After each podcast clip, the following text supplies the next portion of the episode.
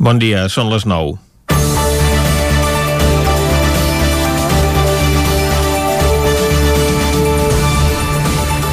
Quan ja fa un any que els presos del procés compleixen condemna, avui comença l'Audiència Nacional al judici per un altre dels episodis que han marcat la història del nostre país i que es va produir amb anterioritat a la votació de l'1 d'octubre. Es tracta dels atemptats del 17 d'agost a Barcelona i Cambrils, en què van morir 16 persones, protagonitzats per la cèl·lula jihadista capitanejada per l'imam de Ripoll serà un altre judici mediàtic que durarà moltes setmanes amb la participació de més de 400 testimonis, la majoria policies. La vista oral, però, estarà condicionada pel fet que els autors materials dels fets han mort, o bé a mans de la policia, o bé en l'explosió a la casa del Canà que feien servir de centre d'operacions. A presó hi han entrat, doncs, només els tres processats, Mohamed Howley, supervivent de l'explosió, Drizo Kabir i Said Benaz Benyaza, acusats de col·laborar o pertànyer a la cèl·lula jihadista de Ripoll, fabricar explosius i causar estralls. Les famílies de les víctimes es mostren en desacord amb el posicionament de la justícia i de la Generalitat i els ajuntaments de Barcelona i Cambrils i demanen que s'acusi d'assassinat a dos dels processats de Ripoll i el tercer arrestat a Vinaròs per col·laboració amb organització terrorista. Les penes de presó que es demanen també són molt diferents segons les parts, entre 8 i 10 anys de presó per l'acusat de facilitar la compra d'explosius i en el cas dels ripollesos 41 i 36 anys de presó segons la Fiscalia i la presó permanent revisable amb més de 5.000 anys de condemna segons les acusacions populars.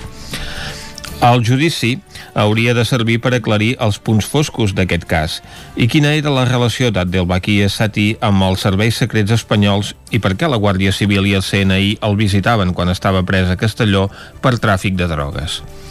I com és que va anar a parar a Ripoll i va ser capaç de radicalitzar uns joves coneguts per bona part de la població que va quedar commocionada quan va transcendir que uns seus convilatants que no generaven cap sospita s'havien convertit en uns perillosos assassins.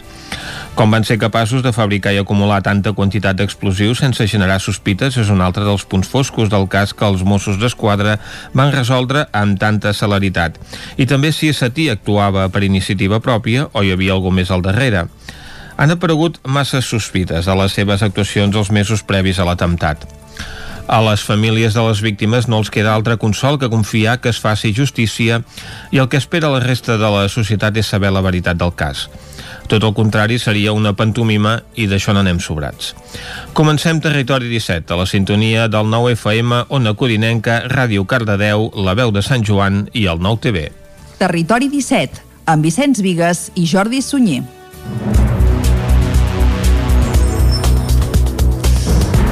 Són les 9 i 3 minuts del dimarts, dia 10 de novembre de 2020. Comença aquí un nou Territori 17 que avui, durant la primera hora, us acostarà tota l'actualitat de les nostres comarques. Després, a partir de les 10, les seccions habituals dels dimarts.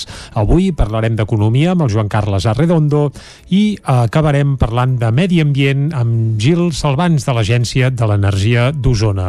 Pel camí, a més, moltes coses més, entrevistes i, evidentment, acostar-vos tota l'actualitat, com fem sempre aquí, a Territori Territori 17. I ara mateix el que farem és arrencar tot fent un repàs a les notícies més importants de les nostres comarques, les comarques del Ripollès, Osona, el Moianès i el Vallès Oriental.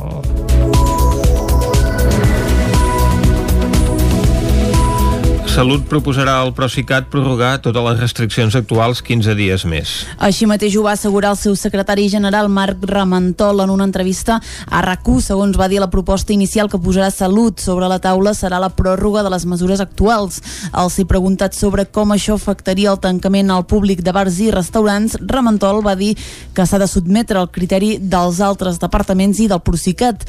Pel que fa a les festes de Nadal, el secretari general va apuntar que es prendran les decisions al desembre perquè es pugui celebrar de manera segura, però va descartar relaxar les mesures només pel fet que siguin festes. El brot de coronavirus a la residència Camp Planoles de Roda de Ter afecta 25 dels 65 usuaris del centre, després que s'hagin confirmat dos nous positius en els darrers dies. L'alcalde Roger Coromines assegura que la situació està controlada i que la resposta a la crida per la incorporació de personal ha estat bona, cosa que permet substituir els treballadors contagiats. Però la situació és, és controlada, de moment doncs, la, la simptologia doncs, de molts d'ells doncs, és lleu i per tant s'ha controlat, evidentment doncs, Sanitat també ha avisat les instal·lacions, va veure doncs, que els protocols que s'estaven implementant eren tots correctes, per tant podem dir que en les properes hores s'incorporaran eh, sis persones, diguem-ne, doncs, per, per reforçar l'equip de treballadors d'alguna manera que, que en aquests dies han de romandre a casa doncs, en baixa.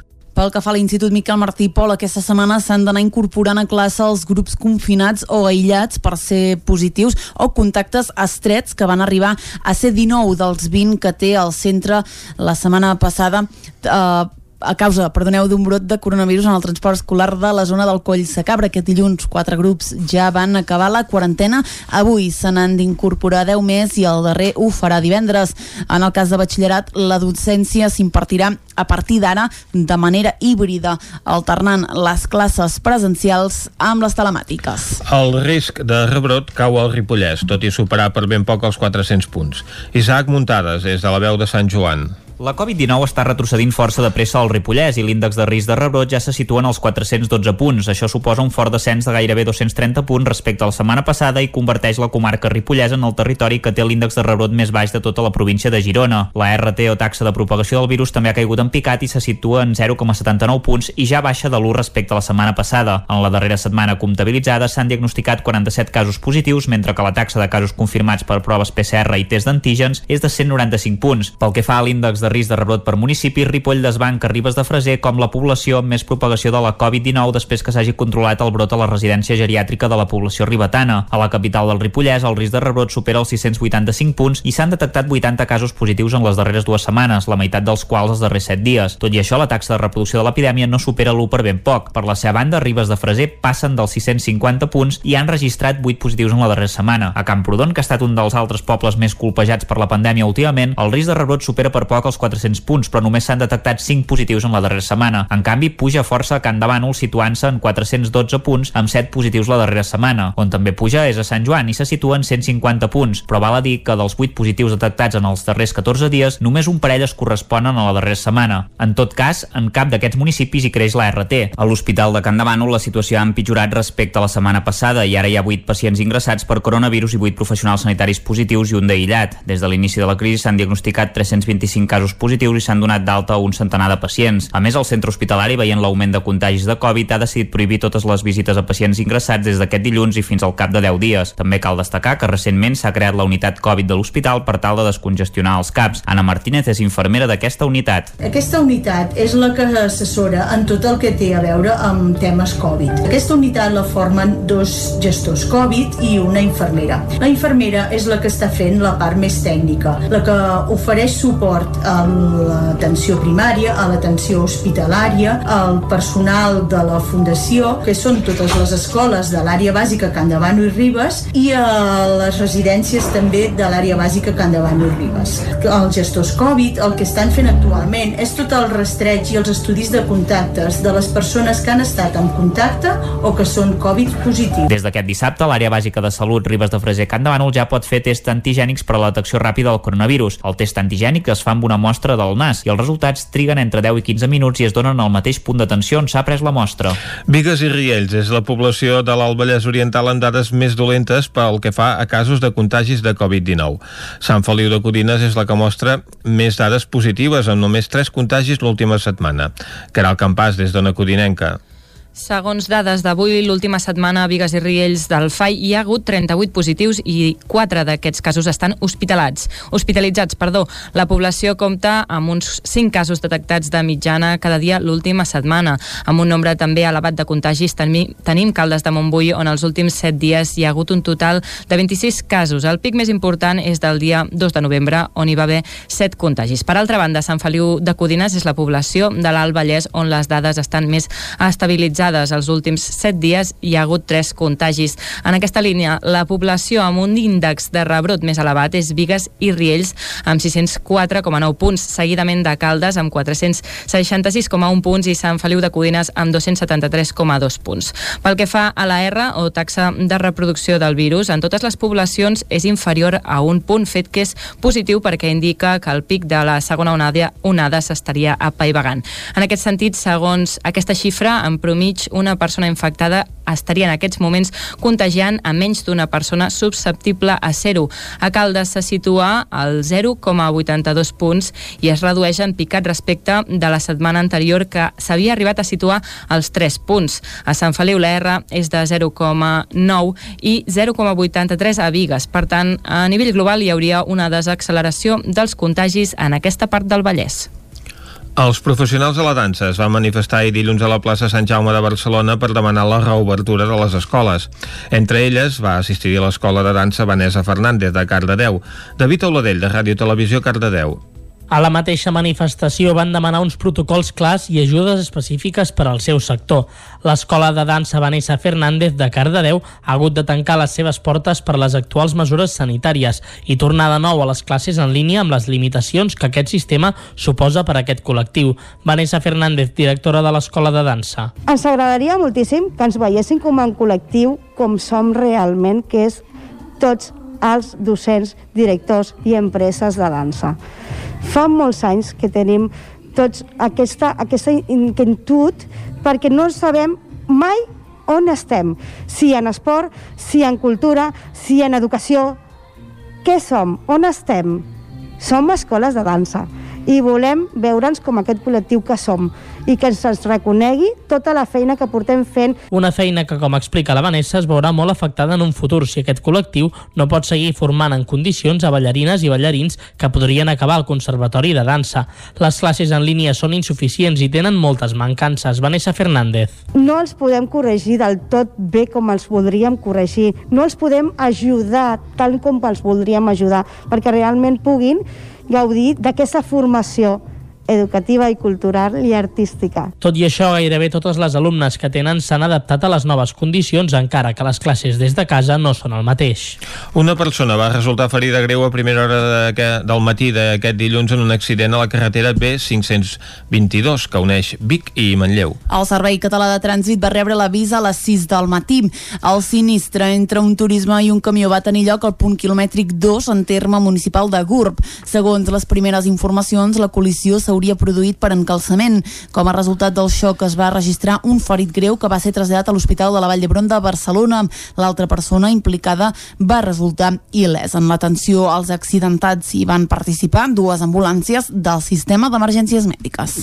Comença el judici dels atemptats terroristes del 17A a Barcelona i Cambrils contra els tres acusats supervivents, perquè la Fiscalia demana penes de presó d'entre 8 i 41 anys. Isaac Muntades, des de la veu de Sant Joan. El judici contra els tres acusats supervivents dels atemptats terroristes del 17 d'agost de l'any 2017 a Barcelona i Cambrils comença aquest dimarts a l'Audiència Nacional de Madrid, més de 3 anys després que Yunes avui a CUP atropellés 15 persones a la Rambla i en matés una altra a la zona universitària de Barcelona quan fugia del lloc dels fets. Els tres acusats que queden de la cèl·lula terrorista de Ripoll són els joves Mohamed Huli Shemlal, Drisu Kabir i Said Ben Yaza, i per tots ells la Fiscalia demana penes de presó d'entre 8 i 41 anys. Per l'únic supervivent de l'explosió del Canà, Huli Shemlal, la Fiscalia li demana una pena de presó de 41 anys i se l'acusa d'integració a organització terrorista, fabricació i tinença d'explosius i d'estralls en grau de temptativa, els mateixos delictes que s'atribueixen a Ukabir, per qui se li demanen 36 anys de reclusió. En canvi, a Ben Yaza se l'acusa d'un delicte de col·laboració en atemptat terrorista i se li demana una pena de 8 anys de presó. La Fiscalia també vol que se'ls condemni a les costes proporcionals i en matèria de responsabilitat civil demana que Huli Shemlal i Ukabir indemnitzin els ferits per la segona explosió que hi va haver a la casa del Canà durant el desenrunament per un import de més de 229.000 euros. Això sí, no demana demana cap indemnització per les famílies afectades pels atemptats de la Rambla o Cambrils. Les penes que demana l'acusació de la Generalitat de Catalunya són més altes i van de 8 a 44 anys de presó. Per Juli Shemlal i Ukabir els n'hi demana 44, afegint-hi un delicte de lesions per imprudència greu, i per Ben Llasa també 8. Per ara no demana penes per delicte d'assassinat, tot i que no descarta demanar-ho més endavant en funció de com vagi el judici. L'Ajuntament de Barcelona demana els mateixos anys per Llasa i 95 i 90 a Juli Shemlal i Ukabir respectivament, ja que hi afegeix un delicte de lesions a les 20 26 persones ferides a l'explosió del Canà i a la posterior deflagració que va haver-hi durant les tasques de desenrunament. La Fiscalia considera que Huli Shemlal va participar activament de la planificació dels atemptats i en el trasllat dels materials i la fabricació dels explosius a la finca del Canà, el lloc on va morir el presumpte cervell de la trama, l'imam de Ripoll Abdelbaki Essati. Ducavir, la Fiscalia considera provat que va ser a la casa del Canà i que va intercanviar missatges i converses amb el seu germà i amb Abu Yacub, l'autor de la matança a les Rambles, a més de llogar una segona furgoneta. En canvi, Dayaza diu que va deixar la furgoneta a un dels dels membres de la cèl·lula terrorista, tot i que sabia que l'havia d'utilitzar per transportar-hi explosius. I fins aquí el butlletí informatiu que us hem ofert amb les veus de Vicenç Vigues, Clàudia Dinarès, David Auladell, Caral Campàs i Isaac Muntades. I el que toca ara és fer un cop d'ull a la situació meteorològica.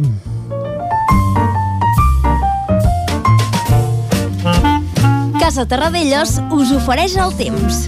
I a Territori 17, quan parlem del temps, el que fem és saludar el Pep Acosta, que no sé si s'ha llevat gaire emboirat, evidentment ho descobrirem de seguida. Bon dia, Pep. Hola, molt bon, dia. Bon dia, bon dia. Benvinguts a l'espai del temps. Sí, gràcies. Un temps Igualment. 100% anticiclònic. Correcte. Amb alguna petita variació Mm. que ara de seguida explicarem. Doncs vinga, anem-hi. Ens llevem amb unes temperatures eh, que jo crec que han baixat una mica, baixat una mica respecte a ahir, un o dos graus. Per exemple, a la plana de Vic ens movem entre els 4 i els 5 graus, també cap al Mollanès, i cap al Pirineu una mica per sota d'aquests 5 graus, cap al prelitoral per sota dels 10. Uh, baixen una mica, hi ha més humitat, hi ha més boires, Boira, la nit sí. és molt llarga, i això fa que les temperatures eh, baixin una mica amb aquest temps anticiclònic que serà l'amo i senyor durant molts dies, eh, aviso, eh? Si estarà bé el tio i no es mourà Carai, el tio. de les nostres latituds. Per tant, aquest temps així eh, durarà dies. Va per Però bueno, llarg. vaig a pams, vaig a pams. Per, Vamos, perdó, va. perdó, vaig a pams. Vinga. Això, aquest matí una mica més fred que ahir, les boires, que són una mica més intenses i més extenses, eh, als sectors del Plana Vic, del Moianès, del Vallès, eh, hi pot haver boira fins més o menys 12-1 del migdia. I en algun lloc quedaran eh, boires altes. Vull dir que gairebé durant tot el dia hi haurà una mica de boira en, alguna, en alguna zona. De cara a la tarda, eh, avui ens passa la cua d'un front molt poc actiu, o sigui, eh, de categoria 4 o 5, i l'únic que deixarà és nuvolositat cap al Pirineu, cap a la zona del Ripollès, Ull de Ter, Puigmal, aquests llocs clàssics, aquests llocs on hi ha més tempestes, on sempre que fa més fred, hi haurà una mica més de nuvolositat, molt poca, mm, és l'únic canvi que hi haurà, això, eh, que hi haurà una mica més de núvols, però mm, cap, eh, cap gran novetat, ni molt menys, ni molt menys, ni molt menys, ni molt menys. Les temperatures al migdia molt semblants a les d'ahir, eh, entre els 15 i els 20 graus, la majoria de les màximes. A destacar això, amb anticicló, contrast tèrmic, temperatures de nit baixes, ara, ara a l'hivern eh, per això, per l'humitat, per les boires i perquè les nits són molt llargues, però els migdies són molt suaus. Migdies suaus, s'hi pot estar bastant bé, bastant bé al migdia. I també una mica de contrast tèrmic. Ja comença a haver-hi aquest contrast tèrmic que fa més fred a les fondalades, es va acumulant l'aire fet a les fondalades, i en canvi a les zones més altes de muntanya no fa tant de fred. Les temperatures són una mica més altes aquestes zones d'alta muntanya. I ja ho tenim. Eh, poca cosa més a dir. Mm. Vents molt febles. Eh, bueno, és, que és un temps 100% anticiclònic que ens durarà forces, forces dies. Moltes gràcies i ens escoltem demà. Adéu, bon dia. Vinga, Pep, moltes gràcies. Vicenç, em sembla que en tenim per dies, eh, de l'anticicló. I de la boira. I de la boira, exacte, sobretot els que estem en indrets més enclotats, Exacte. eh, evidentment a la plana de Vic, que som números us, a la pobilla de la plana. Amb aquesta diuen, eh, boira la pixanera que ha deixat ja algunes dècimes a bona part de la comarca. Ah, sí? Carai. Doncs mira, on més ha plogut és a Sant Vicenç de Torelló i a Sant Pere, per la part que t'interessa. Doncs mira, jo em varia d'allà, no he notat que gaire... Vaja, no he hagut d'estendre el paraigua, ras i curt, eh? 0,4 litres han caigut. I tot amb boira pixanera. Eh, algunes dècimes eh, menys han caigut a bona part de la comarca i algun lloc doncs, no, no s'ha registrat Bé. cap precipitació en el dia d'avui. Ara hem dit pixanera, algú potser No se'ns ofèn, ni podem dir ploranera també, eh? Hi ha diferents versions, que és aquella boireta que evidentment ho deixa tot xop, però no fa vessals, perquè ens entenguem. Va, fet aquest repàs, aquest apunt meteorològic, ara el que ens toca és anar cap al quiosc. Anem-hi. Casa Tarradellas us ha ofert aquest espai. Territori 17. Envia'ns les teves notes de veu per WhatsApp al 646 079 023. 646 079 023. WhatsApp Territori 17.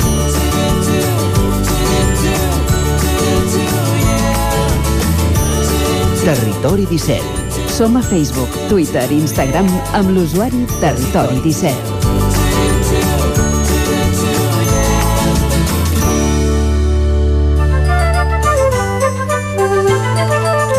Avui em sembla que si anem al quiosc a veure què treuen en portada als diaris ens sortirem tots vacunats, no, Clàudia? Una mica, una mica és la notícia, sens dubte, del dia. Comencem el repàs de portades amb el punt avui que diu sense pressa, Salut proposarà allargar 15 dies més totes les restriccions. Hi ha una lenta millora, però continua augmentant la pressió hospitalària. El pronòstic de vacunes, diu, fa disparar les borses. A la imatge hi veiem uns 300 alumnes i professors de dansa que es van manifestar ahir a la plaça Sant Jaume. Ens ho explicava ja en David Oladell. Diu, continuen les protestes al carrer, a la plaça de Sant Jaume, a l'escenari de la queixa dels sectors afectats per la Covid. Més titulars, problemes per tramitar els ajuts als treballadors autònoms. Biden comença a preparar l'era post-Trump i mor als 93 anys Domènec Fita, artista integral.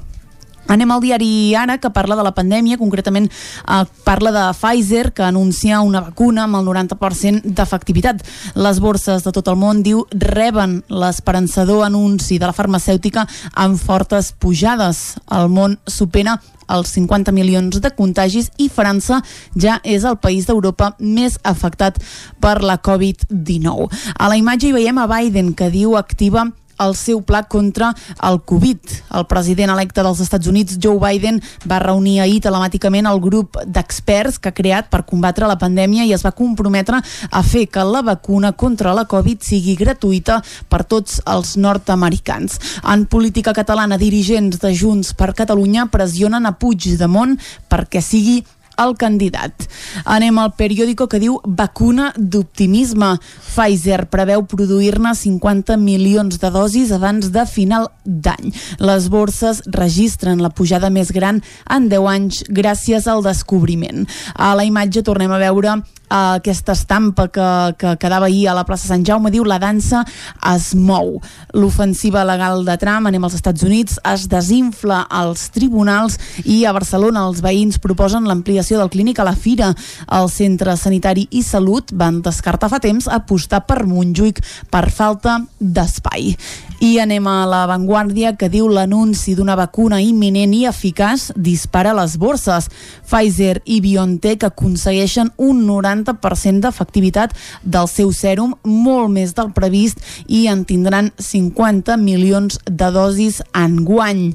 A Catalunya Salut vol allargar 15 dies el tancament dels bars. Als Estats Units, els republicans surten en defensa de les denúncies de Donald Trump. Eh, cau el web d'ajuts dels autònoms el primer dia i, com hem dit, l'espai informatiu del Territori 17 comença el judici per l'atemptat terrorista de la Rambla. Doncs anem a veure què treuen en portada els diaris de Madrid. En la mateixa línia, eh, Vicenç, comencem amb el país que diu Pfizer encén l'optimista amb la seva vacuna contra la Covid-19. Les borses es disparen per l'anunci de l'avanç contra el coronavirus. Sanitat Alerta registra, diu, un rècord de 512 morts al cap de setmana. A la imatge hi veiem a Evo Morales, diu, aclamat en el seu retorn a Bolívia. En eh, Estats Units, Trump diu, lluny d'acceptar la seva derrota, destitueix el jefe del Pentàgon i Bárcenas a Espanya ofereix col·laboració als fiscals en el cas de la Caixa B del Partit Popular. Anem al Mundo que diu la borsa pulveritza rècords amb la vacuna Pfizer eficaç al 90 Sort que hem dit al principi que aquesta era claríssimament la notícia del dia. A la imatge tornem a veure Evo Morales que diu torna per auditar el president bolivià.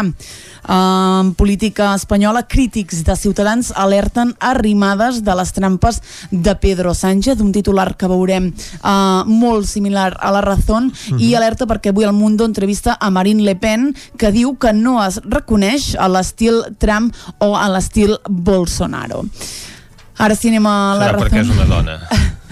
En fi, anem a la Razón, que diu Pfizer tindrà 1.300 milions de vacunes Covid l'any 2021. A la imatge hi veiem doncs, a la borsa, que com hem dit, doncs, ahir va batre rècords. Uh, ja us ho deia, eh, fa un moment, aquí tornem a parlar d'Arrimades, diu el sí d'Inés Arrimadas a Sánchez, la llunya del Partit Popular. I aquí atemptats a Barcelona, uh, judici, diu, sense autors materials ni cervell. I acabem, com sempre, amb l'ABC, que obre amb la notícia del dia. Diu, volem tenir 50 milions de vacunes al mes de desembre. Parlen, doncs, els responsables d'aquesta farmacèutica, Pfizer i BioNTech, asseguren que el seu prototip redueix un 90% el risc d'infecció. L'anunci dispara les borses mundials i la Unió Europea ja negocia la compra de dosis. Un de cada 10 morts en la segona onada a Espanya, diu, són menors de 65 anys. I alerta perquè a la part inferior de de la portada d'avui de l'ABC diu el procés manual i una avalanxa d'expedients col·lapsen als ERTE. El CP diu s'afronta a una onada de litigis. Tots els diaris obren avui amb aquesta notícia del bon resultat que està obtenint la vacuna contra el coronavirus que experimenta Pfizer. Tots els diaris, excepte el Punt Avui, que dedica la seva portada doncs, als últims esdeveniments relacionats amb la situació de pandèmia i el, les resolucions que pren el govern amb la compareixença ahir dels consellers d'Interior i de Salut. Sí que s'hi refereix en la seva portada doncs eh, aquest avanç científic si ve de forma més escèptica de fet recordem que també hi ha vacunes que doncs estan en funcionament a la Rússia o a la Xina que no, van, no han estat rebudes amb tant d'optimisme com aquesta que pel que diuen doncs els laboratoris que l'estan desenvolupant ha funcionat de forma correcta més del 90% dels pacients en què s'ha provat. Tanquem aquí aquest bloc informatiu. El nou FM, la ràdio de casa, al 92.8. Les bones decisions tenen premi. I és que si té una caldera Vaillant, està d'enhorabona. Vaillant li ofereix fins a 15 anys de cobertura total, amb la revisió obligatòria inclosa. Informis a Oficiat Nord trucant al 93 886 0040. Amb el servei tècnic oficial de Vaillant, la seva caldera estarà en les millors mans. Anuncia't al 9FM. La màquina de casa. 9 3 8 8 9 4 9 4 9. Publicitat arroba al 9FM.cat. Anuncia't al 9FM. La publicitat més eficaç. Cocodril Club. Si t'agrada la bona música dels anys 60, 70 i 80, escolta el 9 FM els matins de dissabtes i diumenges d'11 a 1. És el temps del Cocodril Club, tot un clàssic de la ràdio, amb les bases del pop-rock, les llegendes, les cançons que s'han convertit en autèntics himnes. Recorda, dissabtes i diumenges al matí, d'11 a 1, al 9 FM 92.8. Cocodril Club, el programa revival de l'Albert Malla. Hasta luego, cocodrilo. Cobertes serveis funeraris. Els nostres tanatoris estan ubicats en els nuclis urbans més poblats de la comarca d'Osona per oferir un millor servei. Tanatori de Vic, Tanatori de Manlleu, Tanatori de Centelles i Tanatori de Roda de Ter. Sabem que són moments difícils i per això el nostre compromís és atendre-us en tot moment amb un tracte humà, sensible i respectuós. Cobertes serveis funeraris. Telèfon 24 hores 93 883 23 46. Vols trencar amb l'oligopoli de l'IBEX 35? Apunta't al consum estratègic i comença a consumir serveis catalans. Per això et convidem a omplir el dipòsit a Petrolis Independents. A Osona ens trobaràs al polígon Mas Galí de Vic i a Centelles just després de la sortida sud. Si vols factura, entra a la nostra pàgina web petrolisindependents.cat i dona't d'alta. Comença a ser independent. Tenim la força de l'amor. Breda, mil anys als peus del Montseny. Vine a Breda i trobaràs botigues de ceràmica i terrissa, el monestir benedictí de Sant Salvador de Breda, el Museu Aragai sobre l'obra de l'artista noucentista Josep Aragai i el Centre Cultural Els Forns, un centre d'interpretació de la tradició terrissaire del poble.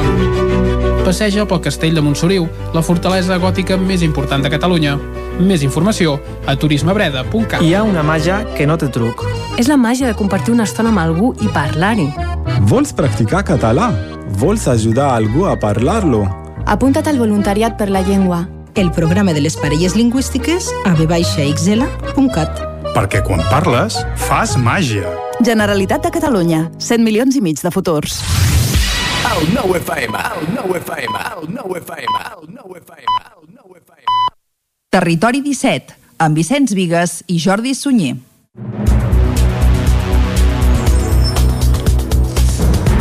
Són dos quarts de deu en punt d'avui dimarts, dia 10 de novembre de 2020. Seguim en directe aquí a Territori 17 i des d'ara i fins a les 12 del migdia us farem companyia. Avui, com que són dimarts, a part d'acostar-vos tota l'actualitat, com fem sempre, tindrem algunes de les seccions habituals aquí al programa. Per exemple, tindrem el Busca't la vida amb la Txela Falgueres, també parlarem d'economia amb el Joan Carles Arredondo i acabarem avui parlant de medi ambient amb el Gil Salvans de l'Agència de l'Energia d'Osona. Avui ens explicarà, ara que ve el fred i que hem d'engegar calefaccions, doncs quina és la millor manera de fer-ho i sempre amb dues vocacions, estalviar energia i estalviar, perquè ens hem d'enganyar també una mica de, de dinerons. D'això a la part final d'un Territori 17 que ara continua acostant-vos de nou tota l'actualitat de les nostres comarques. Ja ho sabeu, les comarques del Ripollès, Osona, el Moianès i el Vallès Oriental. Salut proposarà al Procicat prorrogar totes les restriccions actuals 15 dies més. Així mateix ho va assegurar el seu secretari general Marc Ramentol en una entrevista a rac segons va dir la proposta inicial que posarà Salut sobre la taula serà la pròrroga de les mesures actuals. Al ser preguntat sobre com això afectaria el tancament al públic de bars i restaurants, Ramentol va dir que s'ha de sotmetre al criteri dels altres departaments i del Procicat. Pel que fa a les festes de Nadal, el secretari general va apuntar que es prendran les decisions decisions al desembre perquè es pugui celebrar de manera segura, però va descartar relaxar les mesures només pel fet que siguin festes. El brot de coronavirus a la residència Can Planoles de Roda de Ter afecta 25 dels 65 usuaris del centre, després que s'hagin confirmat dos nous positius en els darrers dies. L'alcalde Roger Coromines assegura que la situació està controlada i que la resposta a la crida per la incorporació de personal ha estat bona, cosa que permet substituir els treballadors contagiats però la situació és, és controlada, de moment doncs, la, simptologia doncs, de molts d'ells doncs, és lleu i per tant s'ha controlat, evidentment doncs, Sanitat també ha avisat les instal·lacions, va veure doncs, que els protocols que s'estaven implementant eren tots correctes, per tant podem dir que en les properes hores s'incorporaran eh, sis persones diguem-ne doncs, per, per reforçar l'equip de treballadors d'alguna manera que, que en aquests dies han de romandre a casa doncs, en baixa. Pel que fa a l'Institut Miquel Martí Pol, aquesta setmana s'han d'anar incorporant a classe els grups confinats o aïllats per ser positius o contactes estrets que van arribar a ser 19 dels 20 que té el centre la setmana passada. Eh, a causa, perdoneu, d'un brot de coronavirus en el transport escolar de la zona del Coll Sacabra. Aquest dilluns, quatre grups ja van acabar la quarantena. Avui se n'han d'incorporar 10 més i el darrer ho farà divendres. En el cas de batxillerat, la docència s'impartirà a partir d'ara de manera híbrida, alternant les classes presencials amb les telemàtiques. El risc de rebrot cau al Ripollès, tot i superar per ben poc els 400 punts. Isaac Muntades, des de la veu de Sant Joan. La Covid-19 està retrocedint força de pressa al Ripollès i l'índex de risc de rebrot ja se situa en els 412 punts. Això suposa un fort descens de gairebé 230 punts respecte a la setmana passada i converteix la comarca ripollesa en el territori que té l'índex de rebrot més baix de tota la província de Girona. La RT o taxa de propagació del virus també ha caigut en picat i se situa en 0,79 punts i ja baixa de l'1 respecte a la setmana passada. En la darrera setmana comptabilitzada s'han diagnosticat 47 casos positius, mentre que la taxa de casos confirmats per proves PCR i test d'antígens és de 195 punts. Pel que fa a l'índex de risc de rebrot per municipi, Ripoll desbanca Ribes de Freser com la població amb més propagació de la Covid-19 després que s'hagi controlat el brot a la residència geriàtrica de la població ribetana. A la capital del Ripollès, el risc de rebrot supera els 685 punts i s'han detectat 80 casos positius en les darreres dues setmanes, la meitat dels quals els darrers 7 dies. Tot i això, la taxa de reproducció de l'epidèmia no supera l'1 per ben poc. Per la seva banda, Ribes de Freser passen dels 650 punts i han registrat 8 positius en la darrera setmana. A Camprodon, que ha estat un dels altres pobles més colpejats per la pandèmia últimament, el risc de rebrot supera per poc els 400 punts, però només s'han detectat 5 positius en la darrera setmana. En canvi, puja força a Can de Bànol, situant-se en 412 punts, amb 7 positius la darrera setmana. On també puja és a Sant Joan i se situa en 150 punts, però val a dir que dels 8 positius detectats en els darrers 14 dies, només un parell es corresponen a la darrera setmana. En tot cas, en cap d'aquests municipis hi creix la RT. A l'Hospital de Can de Bànol la situació ha empitjorat respecte a la setmana passada i ara hi ha 8 pacients ingressats per coronavirus i 8 professionals sanitaris positius i un d'aïllat. Des de l'inici de la crisi s'han diagnosticat 325 casos positius i s'han donat d'alta un centenar de pacients. A més, el centre hospitalari, veient l'augment de contagis de Covid, ha decidit prohibir totes les visites a pacients ingressats des d'aquest dilluns i fins al cap de 10 dies. També cal destacar que recentment s'ha creat la unitat Covid de l'hospital per tal de descongestionar els CAPs. Anna Martínez és infermera d'aquesta unitat. Aquesta unitat és la que assessora en tot el que té a veure amb temes Covid. Aquesta unitat la formen dos gestors Covid i una infermera. La infermera és la que està fent la part més tècnica, la que ofereix suport a l'atenció primària, a l'atenció hospitalària, al personal de la Fundació, que són totes les escoles de l'àrea bàsica Can Davano i Ribes, i a les residències també de l'àrea bàsica Can Davano i Ribes. Els gestors Covid el que estan fent actualment és tot el rastreig i els estudis de contactes de les persones que han estat en contacte o que són Covid positius. Des d'aquest dissabte, l'àrea bàsica de salut Ribes de Freser Can Bànol ja pot fer test antigènics per a la detecció ràpida del coronavirus. El test antigènic es fa amb una mostra del nas i els resultats triguen entre 10 i 15 minuts i es donen al mateix punt d'atenció on s'ha pres la mostra. Vigues i Riells és la població de l'Alt Vallès Oriental en dades més dolentes pel que fa a casos de contagis de Covid-19. Sant Feliu de Codines és la que mostra més dades positives, amb només 3 contagis l'última setmana. Caral Campàs, des d'Ona Codinenca. Segons dades d'avui, l'última setmana a Vigues i Riells del FAI hi ha hagut 38 positius i 4 d'aquests casos estan hospitalats. Hospitalitzats, perdó. La població compta amb uns 5 casos detectats de mitjana cada dia l'última setmana, amb un nombre també elevat de contagis. Tenim Caldes de Montbui, on els últims 7 dies hi ha hagut un total de 26 casos. El pic més important és del dia 2 de novembre, on hi va haver 7 contagis. Per altra banda, Sant Feliu de Codines és la població de l'Alt Vallès on les dades estan més estabilitzades registrades els últims 7 dies hi ha hagut 3 contagis. En aquesta línia, la població amb un índex de rebrot més elevat és Vigues i Riells amb 604,9 punts, seguidament de Caldes amb 466,1 punts i Sant Feliu de Codines amb 273,2 punts. Pel que fa a la R o taxa de reproducció del virus, en totes les poblacions és inferior a un punt, fet que és positiu perquè indica que el pic de la segona onada, onada s'estaria apaivagant. En aquest sentit, segons aquesta xifra, en promig mig una persona infectada estaria en aquests moments contagiant a menys d'una persona susceptible a zero. A Caldes se situa al 0,82 punts i es redueix en picat respecte de la setmana anterior que s'havia arribat a situar als 3 punts. A Sant Feliu la R és de 0,9 i 0,83 a Vigues. Per tant, a nivell global hi hauria una desacceleració dels contagis en aquesta part del Vallès. Els professionals de la dansa es van manifestar ahir dilluns a la plaça Sant Jaume de Barcelona per demanar la reobertura de les escoles. Entre elles va assistir a l'escola de dansa Vanessa Fernández de Cardedeu. David Oladell, de Ràdio Televisió Cardedeu. A la mateixa manifestació van demanar uns protocols clars i ajudes específiques per al seu sector. L'escola de dansa Vanessa Fernández de Cardedeu ha hagut de tancar les seves portes per les actuals mesures sanitàries i tornar de nou a les classes en línia amb les limitacions que aquest sistema suposa per a aquest col·lectiu. Vanessa Fernández, directora de l'escola de dansa. Ens agradaria moltíssim que ens veiessin com un col·lectiu com som realment, que és tots els docents, directors i empreses de dansa. Fa molts anys que tenim tots aquesta, aquesta inquietud perquè no sabem mai on estem, si en esport, si en cultura, si en educació. Què som? On estem? Som escoles de dansa i volem veure'ns com aquest col·lectiu que som i que ens reconegui tota la feina que portem fent. Una feina que, com explica la Vanessa, es veurà molt afectada en un futur si aquest col·lectiu no pot seguir formant en condicions a ballarines i ballarins que podrien acabar al Conservatori de Dansa. Les classes en línia són insuficients i tenen moltes mancances. Vanessa Fernández. No els podem corregir del tot bé com els voldríem corregir. No els podem ajudar tal com els voldríem ajudar, perquè realment puguin gaudir d'aquesta formació educativa i cultural i artística. Tot i això, gairebé totes les alumnes que tenen s'han adaptat a les noves condicions, encara que les classes des de casa no són el mateix.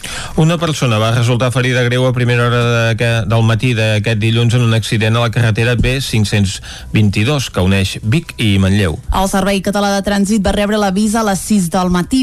El sinistre entre un turisme i un camió va tenir lloc al punt quilomètric 2 en terme municipal de Gurb. Segons les primeres informacions, la col·lisió s'hauria produït per encalçament. Com a resultat del xoc es va registrar un ferit greu que va ser traslladat a l'Hospital de la Vall d'Hebron de Barcelona. L'altra persona implicada va resultar il·lès. En l'atenció als accidentats hi van participar dues ambulàncies del sistema d'emergències mèdiques. Comença el judici dels atemptats terroristes del 17A a Barcelona i Cambrils contra els tres acusats supervivents, perquè la Fiscalia demana penes de presó d'entre 8 i 41 anys. Isaac Muntades, des de la veu de Sant Joan.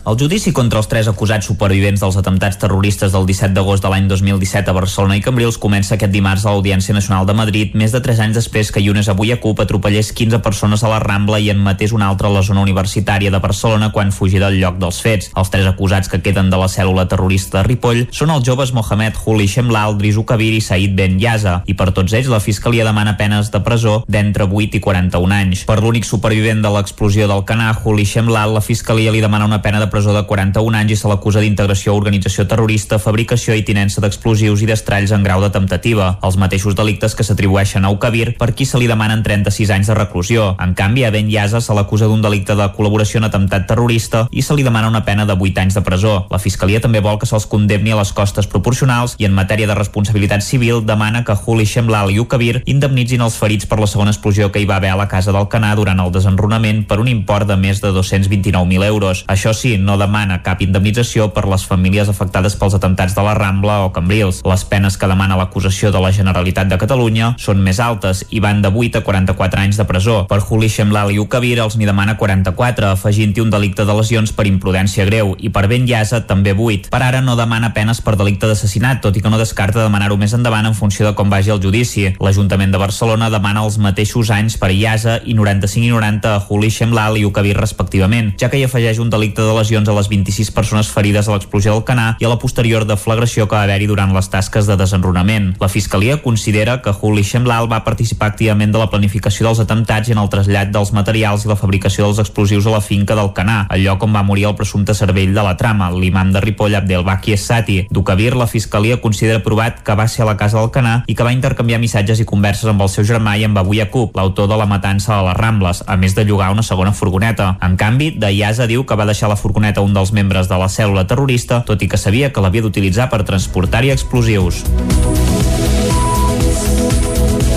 I fins aquí el butlletí informatiu que us hem ofert amb les veus de Vicenç Vigues, Clàudia Dinarès, David Auladell, Caral Campàs i Isaac Muntades. I el que toca ara és fer un cop d'ull a la situació meteorològica.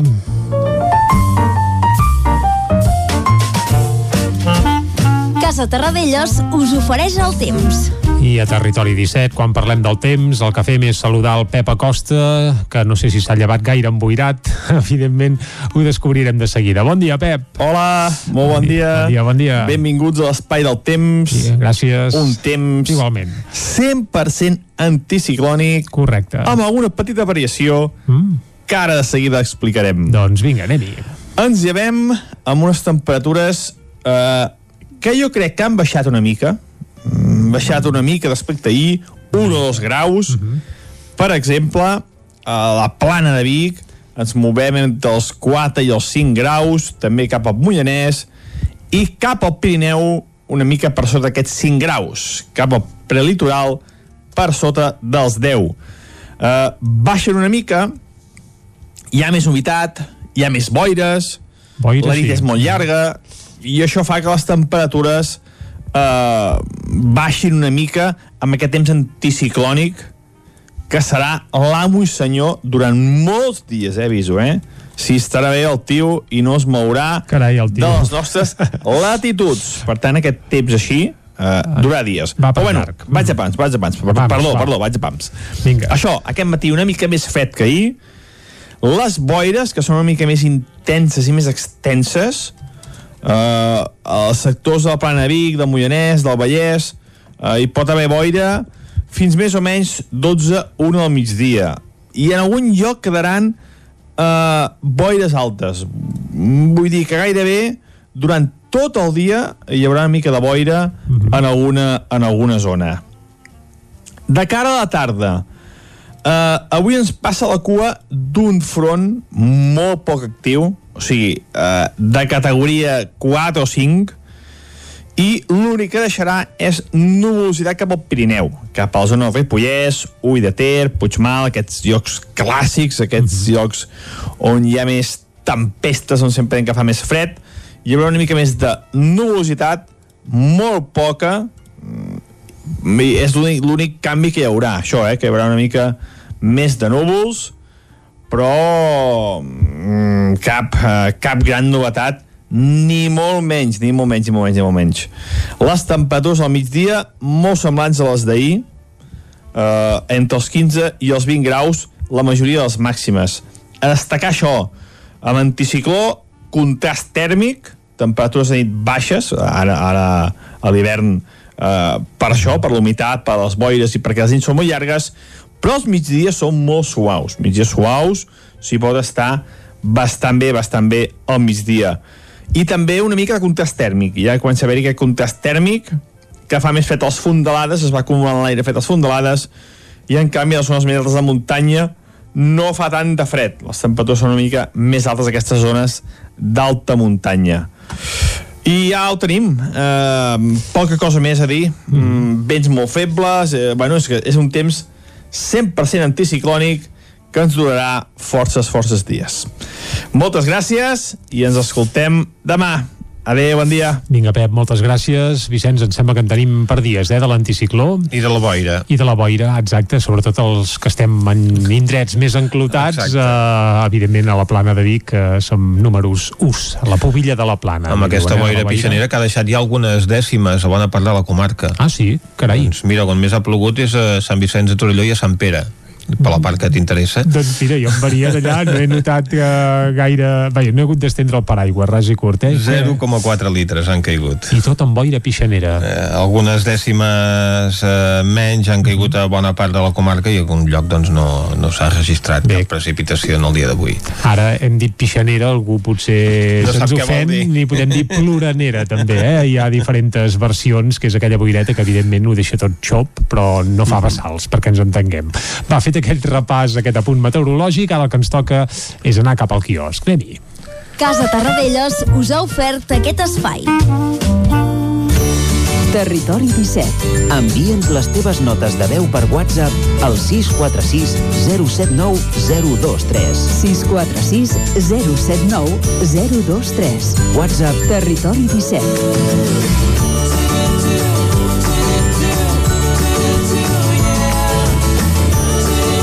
Territori 17. Som a Facebook, Twitter i Instagram amb l'usuari Territori 17.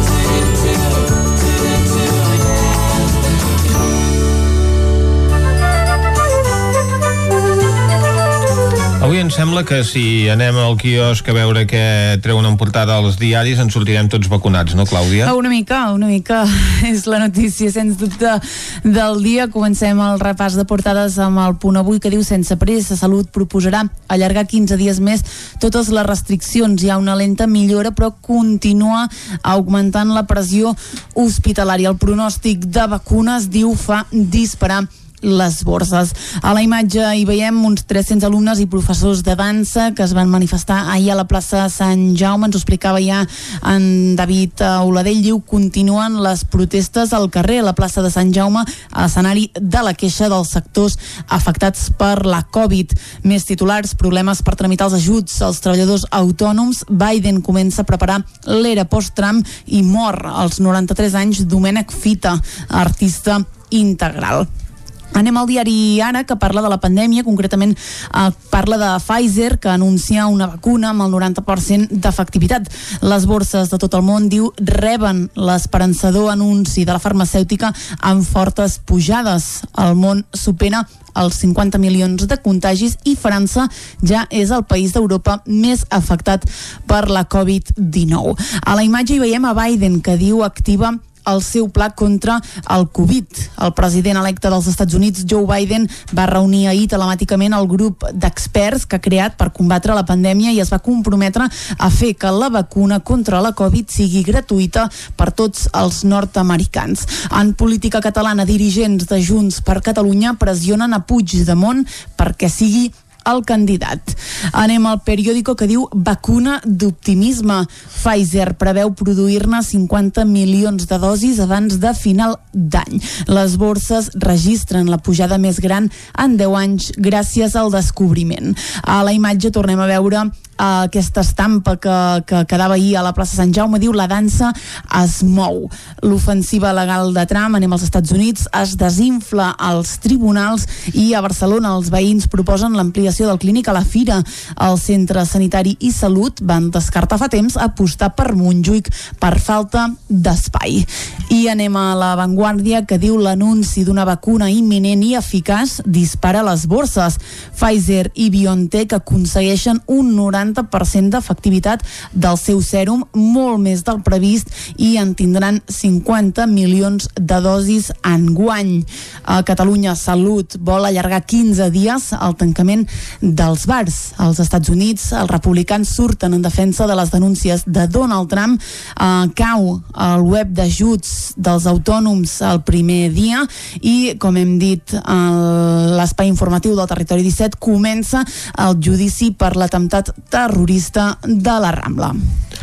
Doncs anem a veure què treuen en portada els diaris de Madrid. En la mateixa línia, eh, Vicenç, comencem uh -huh. amb el país que diu Pfizer encén l'optimista amb la seva vacuna contra la Covid-19. Les borses es disparen per l'anunci de l'avanç contra el coronavirus.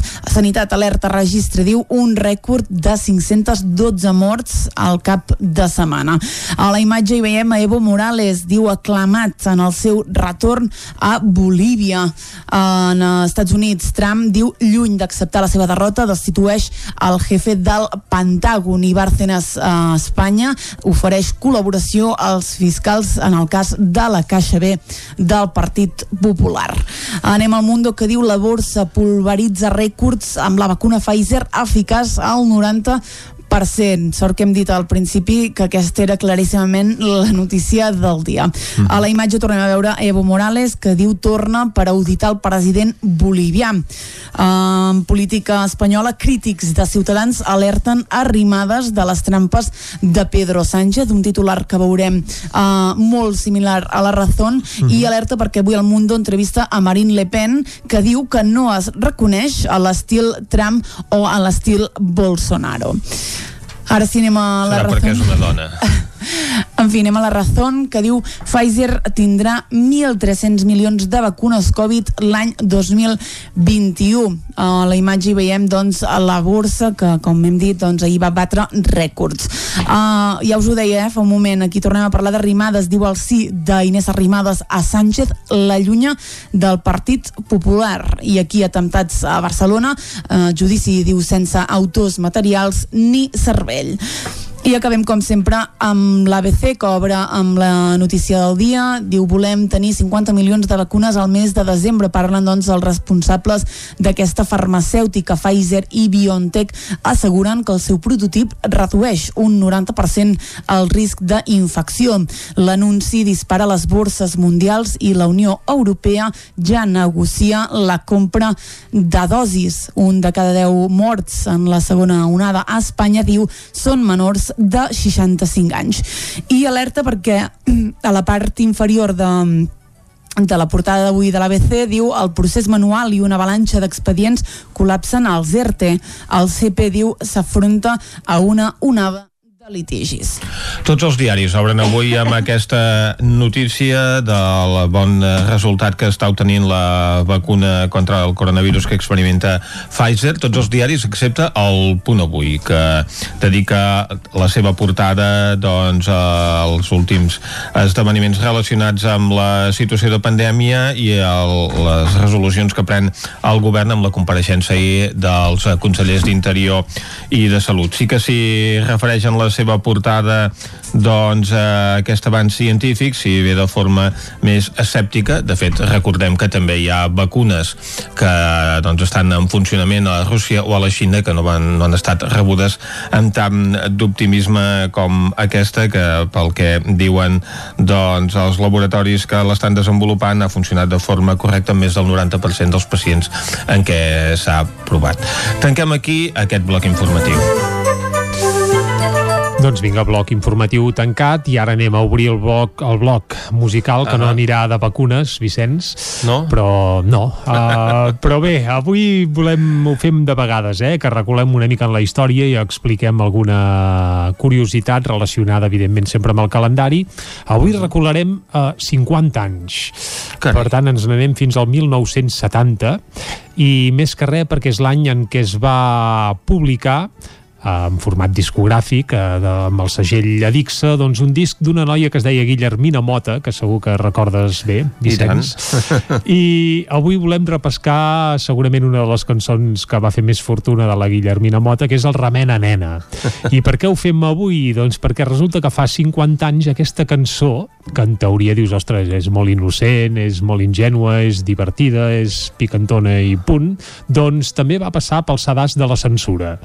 Uh, Perquè, clar, cal dir que la censura aleshores no funcionava només per motius polítics, que era la seva especialitat, sinó que bé, també hi havia censura eh, en, en el cas d'aquesta cançó.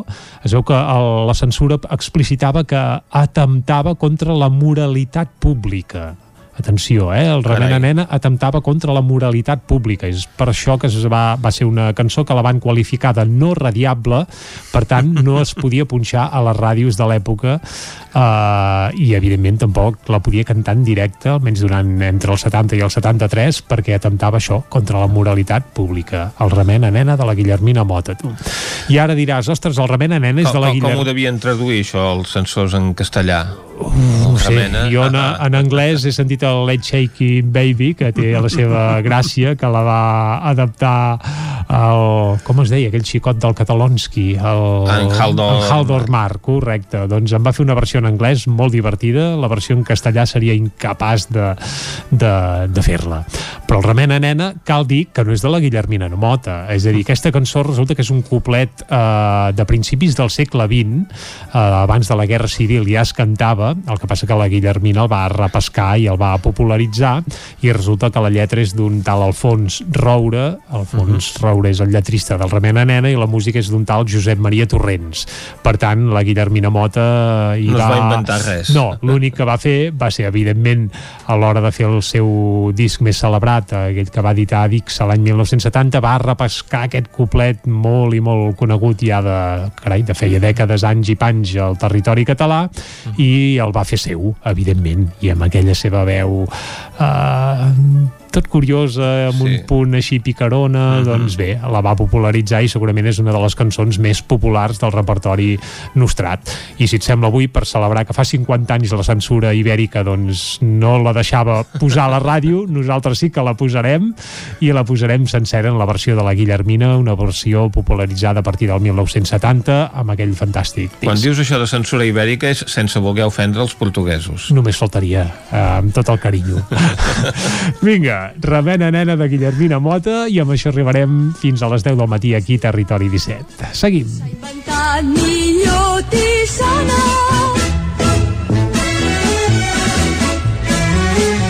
Per fer un còctel ben fet es tiren dintre un pot un tros trinxat de gel i un cúmul de licor.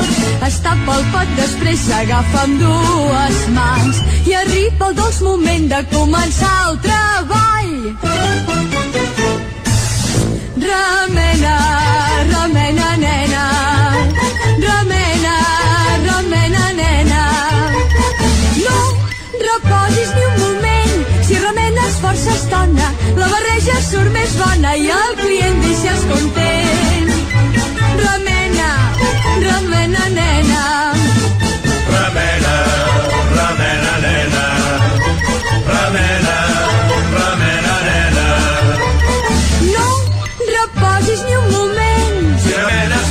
estona, l'oreja surt més bona. I el client deixes content.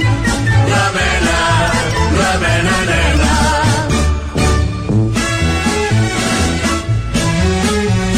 Una noia enllogada a casa cert marquès que sap fer molts guisats, més no sap fer còctels, però diu al veïnat que l'amo és complacent.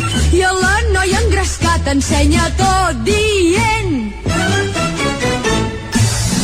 Remena, remena, nena, remena, remena, nena.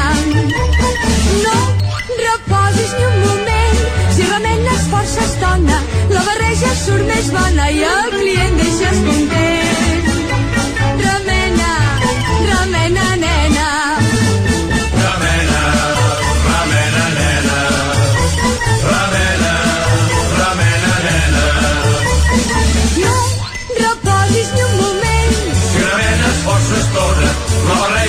Més bona. i el client deixes content.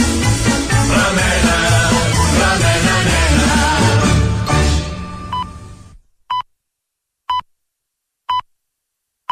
Evidentment, sense cap tipus de censura, torna la informació de les nostres comarques, les comarques del Ripollès, Osona, el Moianès i el Vallès Oriental.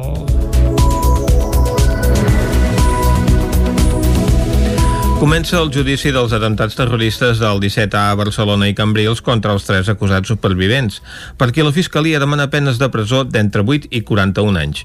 Isaac Muntades, des de la veu de Sant Joan. El judici contra els tres acusats supervivents dels atemptats terroristes del 17 d'agost de l'any 2017 a Barcelona i Cambrils comença aquest dimarts a l'Audiència Nacional de Madrid, més de 3 anys després que Yunes avui a CUP atropellés 15 persones a la Rambla i en matés una altra a la zona universitària de Barcelona quan fugia del lloc dels fets. Els tres acusats que queden de la cèl·lula terrorista de Ripoll són els joves Mohamed Huli Shemlal, Drisu Kabir i Said Ben Yaza, i per tots ells la Fiscalia demana penes de presó d'entre 8 i 41 anys. Per l'únic supervivent de l'explosió del Canà, Huli Shemlal, la Fiscalia li demana una pena de presó de 41 anys i se l'acusa d'integració a organització terrorista, fabricació i tinença d'explosius i d'estralls en grau de temptativa, els mateixos delictes que s'atribueixen a Ukabir, per qui se li demanen 36 anys de reclusió. En canvi, a Ben Yaza se l'acusa d'un delicte de col·laboració en atemptat terrorista i se li demana una pena de 8 anys de presó. La Fiscalia també vol que se'ls condemni a les costes proporcionals i en matèria de responsabilitat civil demana que Huli Shemlal i Ukabir indemnitzin els ferits per la segona explosió que hi va haver a la casa del Canà durant el desenrunament per un import de més de 229.000 euros. Això sí, no demana cap indemnització per les famílies afectades pels atemptats de la Rambla o Cambrils. Les penes que demana l'acusació de la Generalitat de Catalunya són més altes i van de 8 a 44 anys de presó. Per Juli Shemlal i Ukabir els n'hi demana 44, afegint-hi un delicte de lesions per imprudència greu, i per Ben Llasa també 8. Per ara no demana penes per delicte d'assassinat, tot i que no descarta demanar-ho més endavant en funció de com vagi el judici. L'Ajuntament de Barcelona demana els mateixos anys per Llasa i 95 i 90 a Juli Shemlal i Ukabir respectivament, ja que hi afegeix un delicte de lesions a les 26 persones ferides a l'explosió del Canà i a la posterior deflagració que va haver-hi durant les tasques de desenrunament. La Fiscalia considera que Huli Shemlal va participar activament de la planificació dels atemptats i en el trasllat dels materials i la fabricació dels explosius a la finca del Canà, el lloc on va morir el presumpte cervell de la trama, l'imam de Ripoll Abdelbaki Essati. D'Ukabir, la Fiscalia considera provat que va ser a la casa del Canà i que va intercanviar missatges i converses amb el seu germà i amb Abu Yaqub, l'autor de la matança a les Rambles, a més de llogar una segona furgoneta. En canvi, Dayaza diu que va deixar la furgoneta a un dels membres de la cèl·lula terrorista, tot i que sabia que l'havia d'utilitzar per transportar-hi explosius.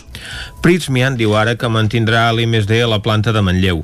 L'empresa ho va comunicar divendres a l'Ajuntament en una trobada on responsables de la fàbrica van manifestar la seva voluntat de vendre les naus reparcel·lades. Prismian mantindrà el departament d'IMSD a la planta de Manlleu. Així mateix li van comunicar divendres responsables de l'empresa a l'alcalde de Manlleu. Una decisió que implicarà que una vintena de treballadors especialitzats conservin la feina. A la trobada amb Àlex Garrido, l'empresa també va fer pública la seva voluntat de reparcel·lar les naus per poder-les vendre.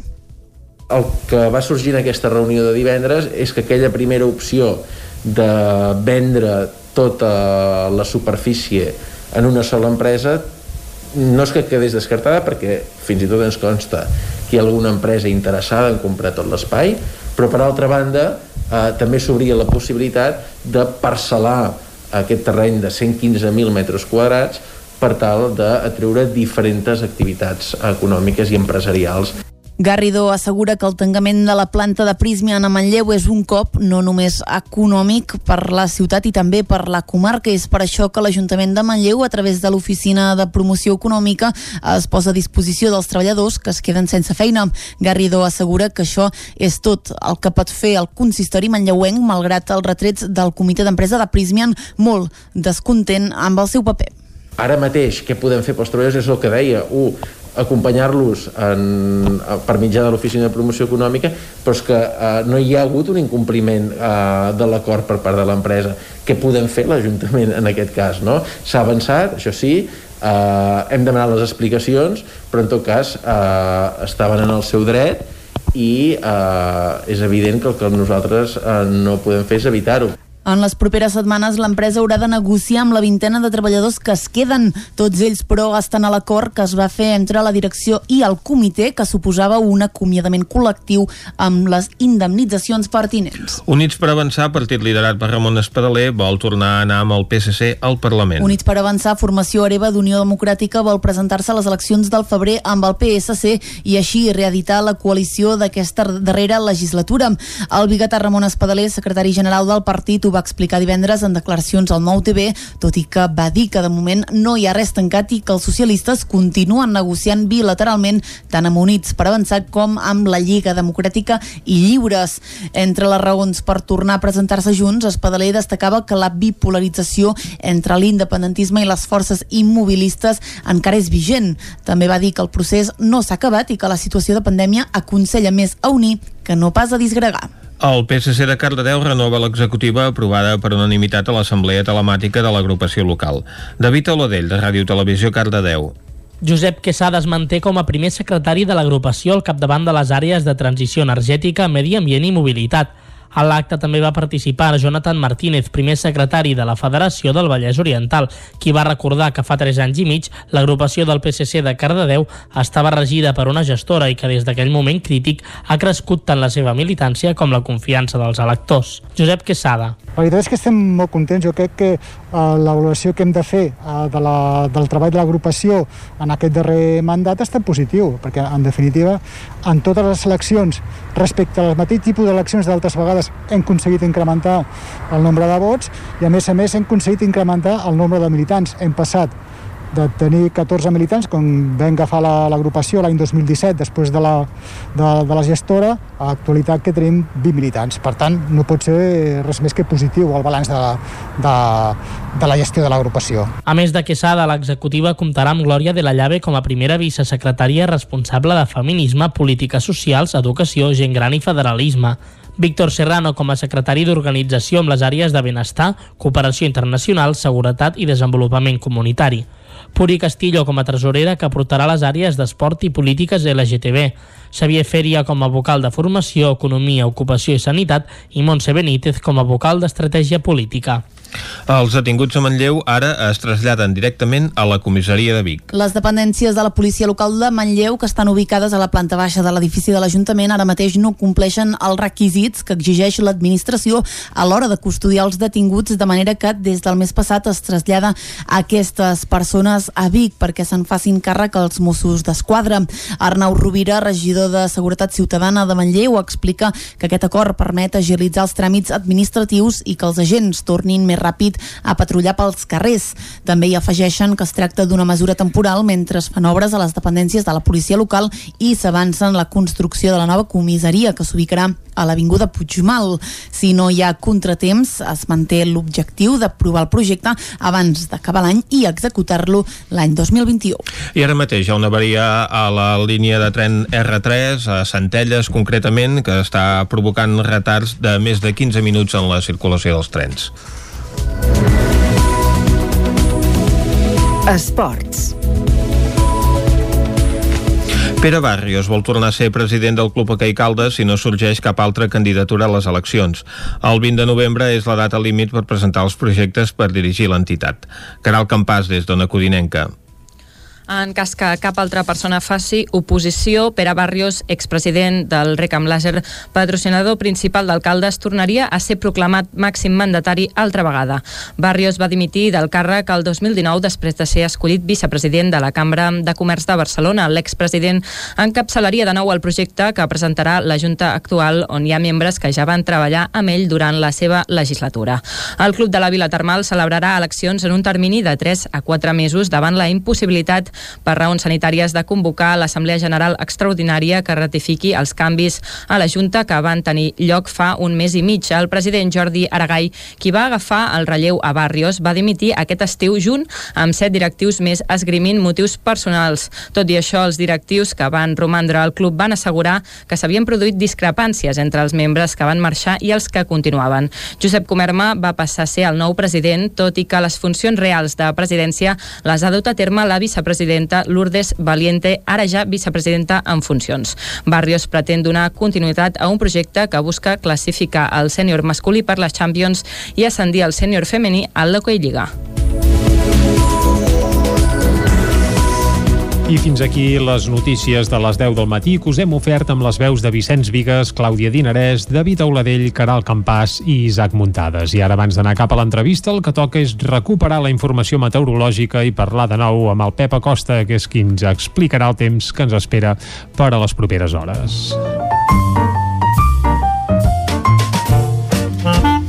Casa Terradellos us ofereix el temps. Doncs vinga, bon dia, Pep, altra vegada, què tal? Hola, molt bon dia. Bona hora. Aquest matí una mica més fred que ahir.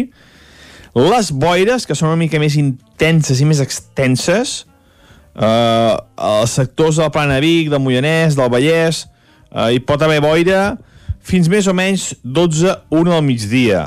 I en algun lloc quedaran eh, boires altes. Vull dir que gairebé durant tot el dia hi haurà una mica de boira en alguna, en alguna zona. De cara a la tarda, eh, avui ens passa la cua d'un front molt poc actiu, o sigui, eh, de categoria 4 o 5, i l'únic que deixarà és nuvolositat cap al Pirineu, cap a la zona del Ripollès, Ull de Ter, Puigmal, aquests llocs clàssics, aquests llocs on hi ha més tempestes, on sempre que fa més fred, hi haurà una mica més de nuvolositat, molt poca, mm, i és l'únic- canvi que hi haurà, això, eh, que hi haurà una mica més de núvols, però mm, cap, eh, cap gran novetat, ni molt menys, ni molt menys, ni molt menys, ni molt menys. Les temperatures al migdia, molt semblants a les d'ahir, eh, entre els 15 i els 20 graus, la majoria de les màximes. A destacar això, amb anticicló, contrast tèrmic, temperatures de nit baixes, ara, ara a l'hivern eh, per això, per l'humitat, per les boires i perquè les nits són molt llargues, però els migdies són molt suaus. Migdies suaus, uh -huh. s'hi pot estar bastant bé, bastant bé al migdia. I també una mica de contrast tèrmic. Ja comença a haver-hi aquest contrast tèrmic que fa més fred als fondalades, es va acumulant l'aire fet als fondalades, i en canvi a les zones més altes de muntanya no fa tant de fred. Les Inversió temperatures són una mica tèrmica, més altes aquestes zones d'alta muntanya. I ja ho tenim. Eh, Molt bé. Poca cosa més a dir. Mm, vents molt febles. Eh, bueno, és que és un temps 100% anticiclònic que ens durarà forces, forces dies. Moltes gràcies i ens escoltem demà. Adéu, bon dia. Vinga, Pep, moltes gràcies i estarem al cas de... Bé, bàsicament se t'acosta poca feina perquè quan hi ha molt temps d'anticicló hi ha pocs canvis i poques variacions en el temps, però evidentment t'escoltarem demà i cada dia. Ara una pausa de res, mig minutet i de seguida anem cap a l'entrevista, avui des d'Ona Codinenca. Anem-hi. Casa Tarradellas us ha ofert aquest espai.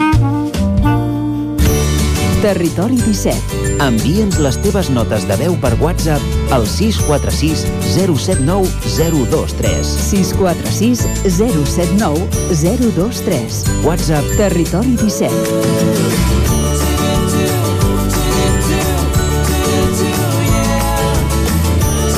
Territori 17. Som a Facebook, Twitter i Instagram amb l'usuari Territori 17.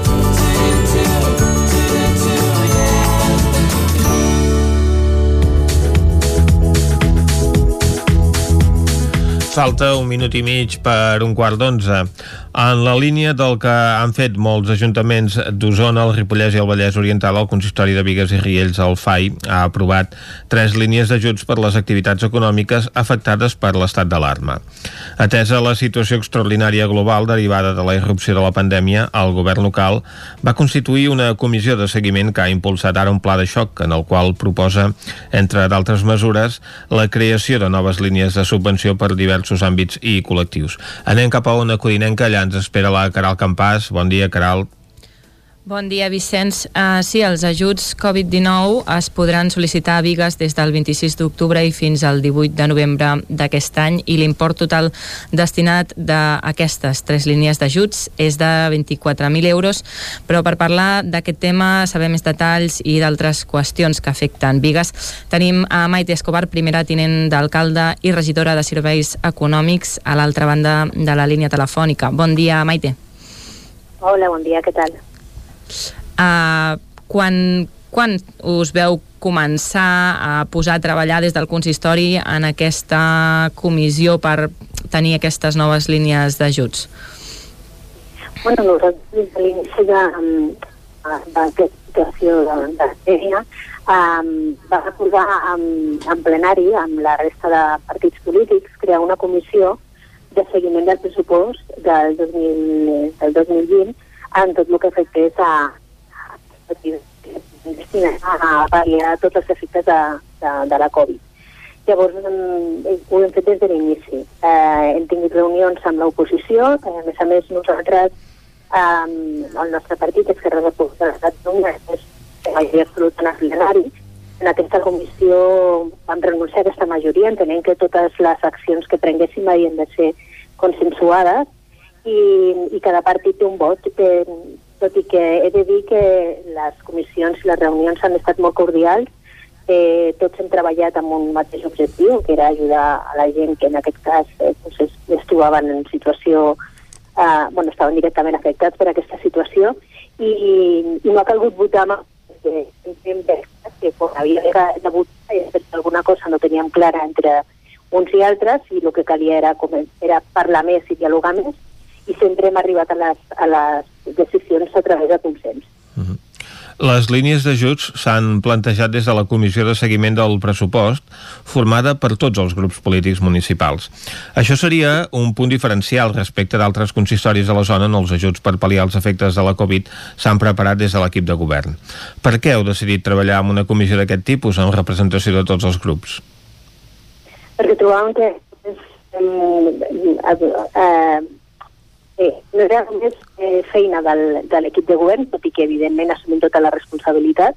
Uh -huh. eh, de fet, en aquesta reunió assistint tant l'alcalde com jo, eh, tot i que tenim uns, com he comentat, eh, però eh, pensàvem que, que, que ens afectava a tothom, eh, ens afectava a tots, i que, a més a més, eh, els, la resta de partits del plenari estaven a disposició i volien també treballar eh, pel consistori en aquest moment de crisi, que no és un moment qualsevol, que no era un moment de fer política en el sentit de confrontaments polítics a l'hora de plantejar mesures, eh, pràctiques a més a més directes a, a ajudar, i que era un moment de consens. I, i per això vam, vam, vam fer aquest plantejament i, i estem molt contents, estem creiem que estem treballant tots a una, que en moments com aquests és el que necessita la gent. Uh, no sé si ens podria detallar cada línia d'ajuts. Tenim entès que són un total de tres uh, ajuts diferents relacionats sobretot amb comerços. Sí, um, sí, eh, eh, sí són tres ajuts. Eh, van destinades sobretot a, a, a, a empreses, a la restauració també, Eh, hem treballat amb el, amb el tema de les escombraries de, les, de la taxa d'escombraries comercials i hem, eh, hem, hem, estem aplicant ai, disculpeu, és que ha entrat una visita, disculpeu, eh, que uh -huh. m'ha vist una visita, ja està.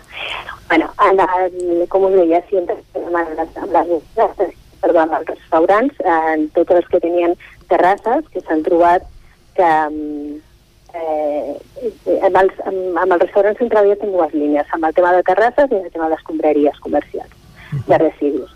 En els residus hem fet una subvenció per cobrir el 25% del rebut, um, eh, de, eh, que venen a ser uns 17.000, 18.000 euros el que considerem amb aquesta mesura, eh, considerant pues, que com que no han tingut activitat pues, que tampoc podien, era, era qüestió de que paguessin aquesta taxa.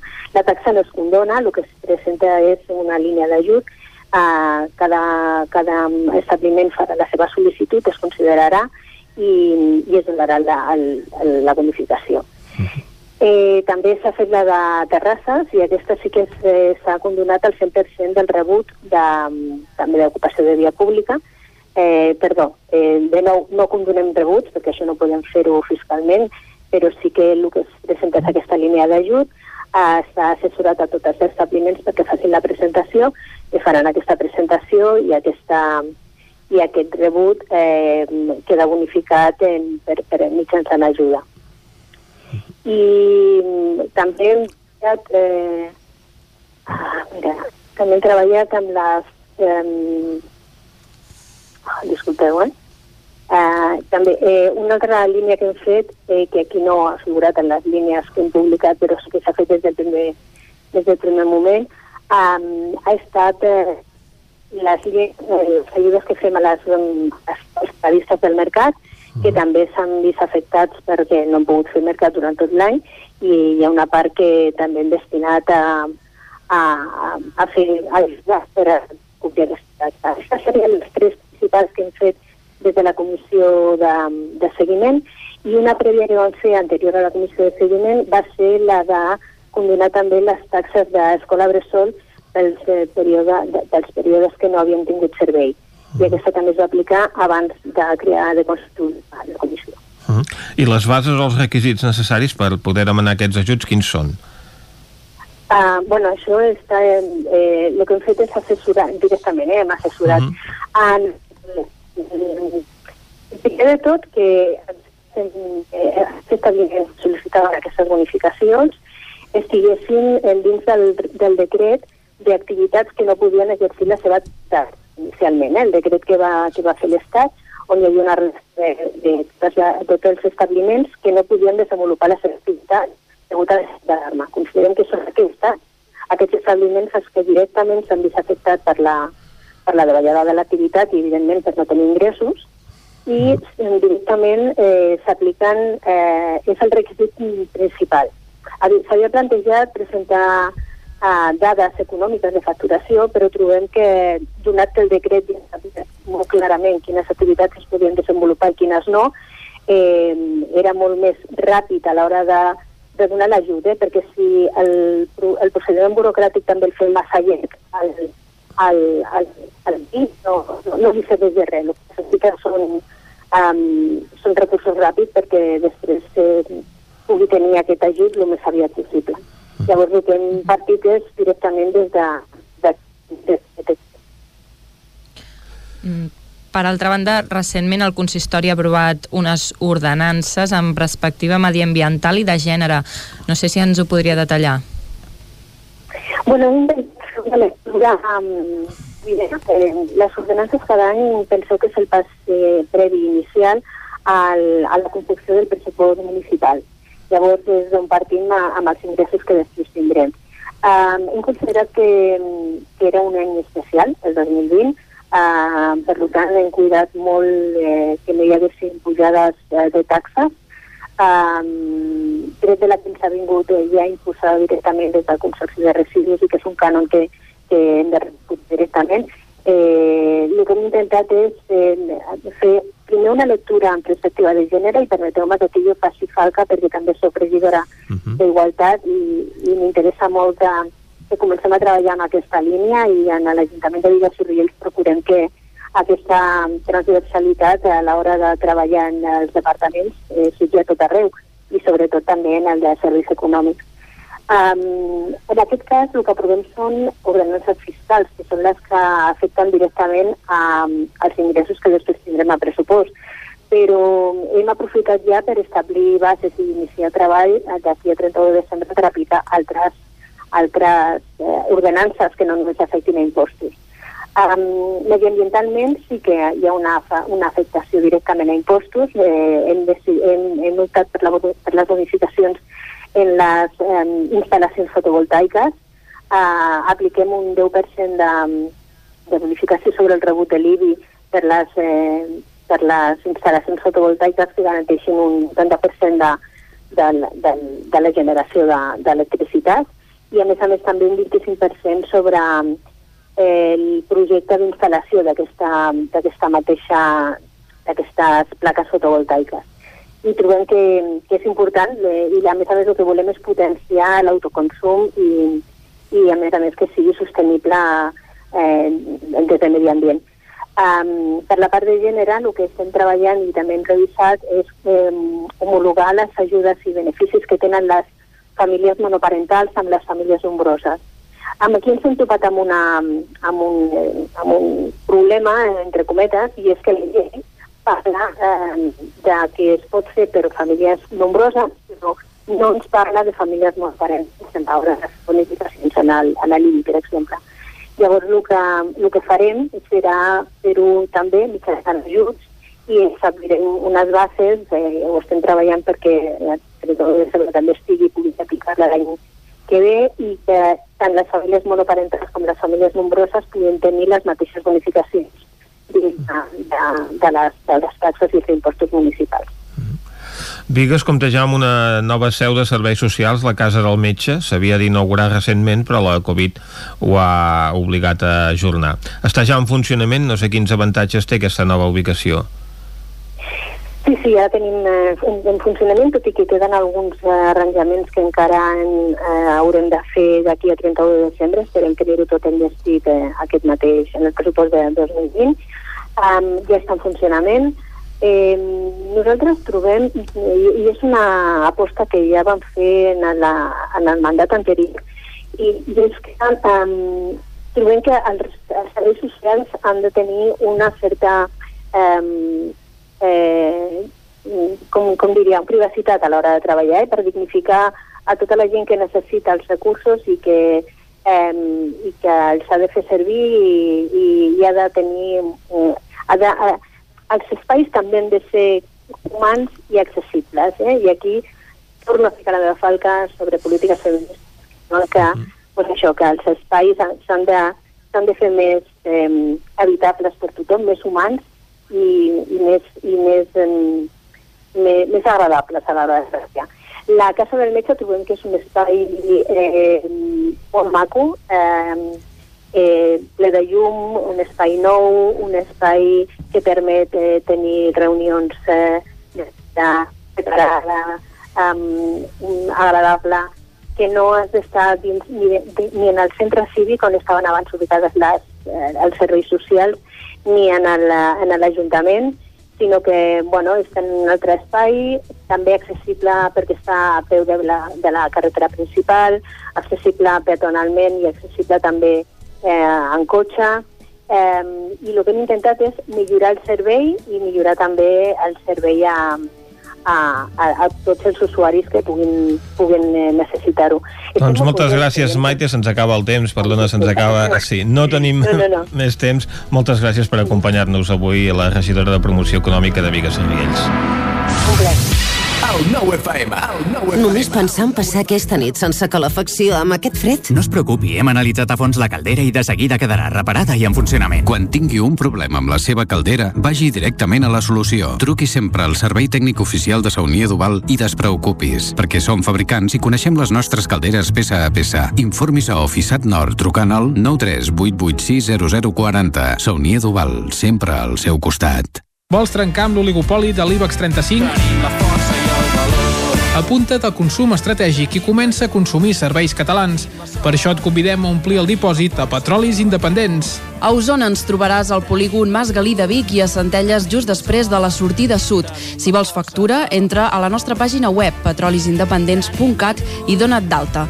Comença a ser independent. Tenim la força de l'amor. Cocodril Club. Si t'agrada la bona música dels anys 60, 70 i 80, escolta el 9 FM als matins de dissabtes i diumenges d'11 a 1. És el temps del Cocodril Club, tot un clàssic de la ràdio, amb les bases del pop-rock, les llegendes, les cançons que s'han convertit en autèntics himnes. Recorda, dissabtes i diumenges al matí, d'11 a 1, al 9 FM 92.8. Cocodril Club, el programa revival de l'Albert Malla. Hasta luego, cocodrilo. Cobertes serveis funeraris. Els nostres tanatoris estan ubicats en els nuclis urbans més poblats de la comarca d'Osona per oferir un millor servei.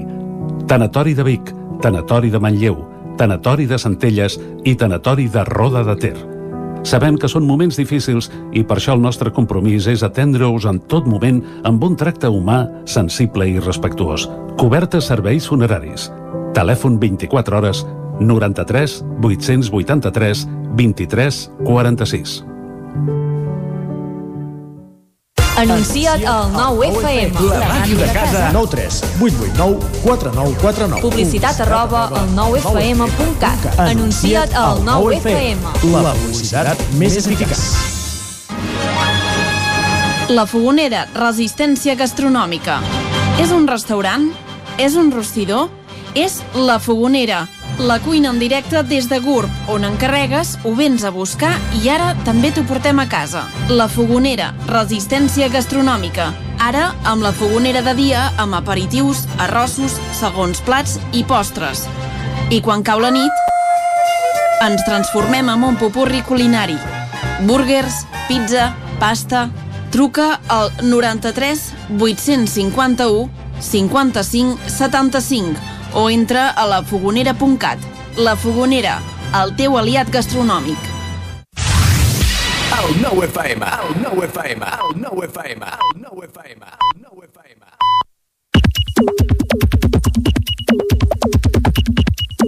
Són dos quarts onze del matí i ja tenim a punt l'Isaac Moreno que ens portarà els tuits més rellevants de la jornada, Isaac. Home, doncs hi ha un vídeo d'un compte de Twitter que es diu Bon dia, per cert, eh? I bona que es diu hora. Futbol Club Barcelona no sé si et sona que comparteixen... Alguna cosa eh, seria el tuit més interessant de la jornada, Oh, que del és. vídeo en aquest cas. Ho és, ho és. A veure, doncs. Comparteixen un vídeo del futur porter del Barça, ja ho és porter del Barça, però dir futur porter del primer equip, el biguetà Arnau Tenes, eh, fent malabars amb la pilota, amb els peus i amb les mans i amb tot, plegat, i de fet el compte, el tuit en anglès diu impressive, és a dir, impressionant, el repiula Ramon Besa, que d'això del Barça i del futbol en sap una mica, diu és un fort de sèrie amb els peus i amb les mans, i comenta en dos cracs del futbol usoner, com són Oriol Riera i de Vic, un crac, i en Gerard Autet, que diu Osona Power. En fi, que... Que a- a- apunta maneres, no? Apunta maneres, Sobretot va. si juga bé amb els peus, doncs la veritat és que com a porter suplent potser seria molt millor que el que hi han posat ara. Uh, vols, uh, el suplent d'en Ter vols dir? El, el suplent de, del riu que passa per roda de Exacte. uh, Stegen, eh? Sí, senyor. Exacte. Parlant de roda i de futbol, Joan Serra, Botreguenyo que sense del bar i, i sense riure. Teniu controlada la cartera? Prepareu-vos amics que rouran a plena llum del dia. Des de Gurb, Cristina Herrera, sabeu aquells cabrons que porten una llaminadura a la mà i van cridant al quisso i corren i s'amaguen i no li arriben a donar mai? Doncs aquesta podria ser la metàfora de la sol·licitud de la subvenció de 2.000 euros a l'autònom. Si el quisso aconsegueix el premi, es morirà de gana igual. Aquest també és molt divertit. Pep Tines, des de Trolló, diu, a veure, procicatencs i jo procicatenques. Ens esteu dient que això s'arreglaria si es repartissin hòsties? I en aquest cas, quan tirem de la notícia del cap de setmana de la missa a la Sagrada Família. Exacte, no parlem de metàfores, sinó de, literalment de... I tenim una resposta que podríem definir-la com allò de ser més papista que el papa, de Lluís Sabatés, d'Esquerra de Torelló, que diu s'arreglarà quan es canvi la Constitució espanyola i la Declaració dels Drets Humans de l'ONU. És així de fàcil i així de trist. La religió és un dret fonamental i la cultura no. Potser no ho hem lluitat prou. Pensava en Pep Tines que el que ha de fer és programar l'església i així no tindrà tants problemes al Silvianum. Encara relacionat amb el món de la cultura, a la sala BSN Curt Circuit diu degut a la suspensió d'activitats culturals anunciada pel govern ens veiem obligats a cancel·lar el concert de Roger Usara el 13 de novembre a la sala Bars.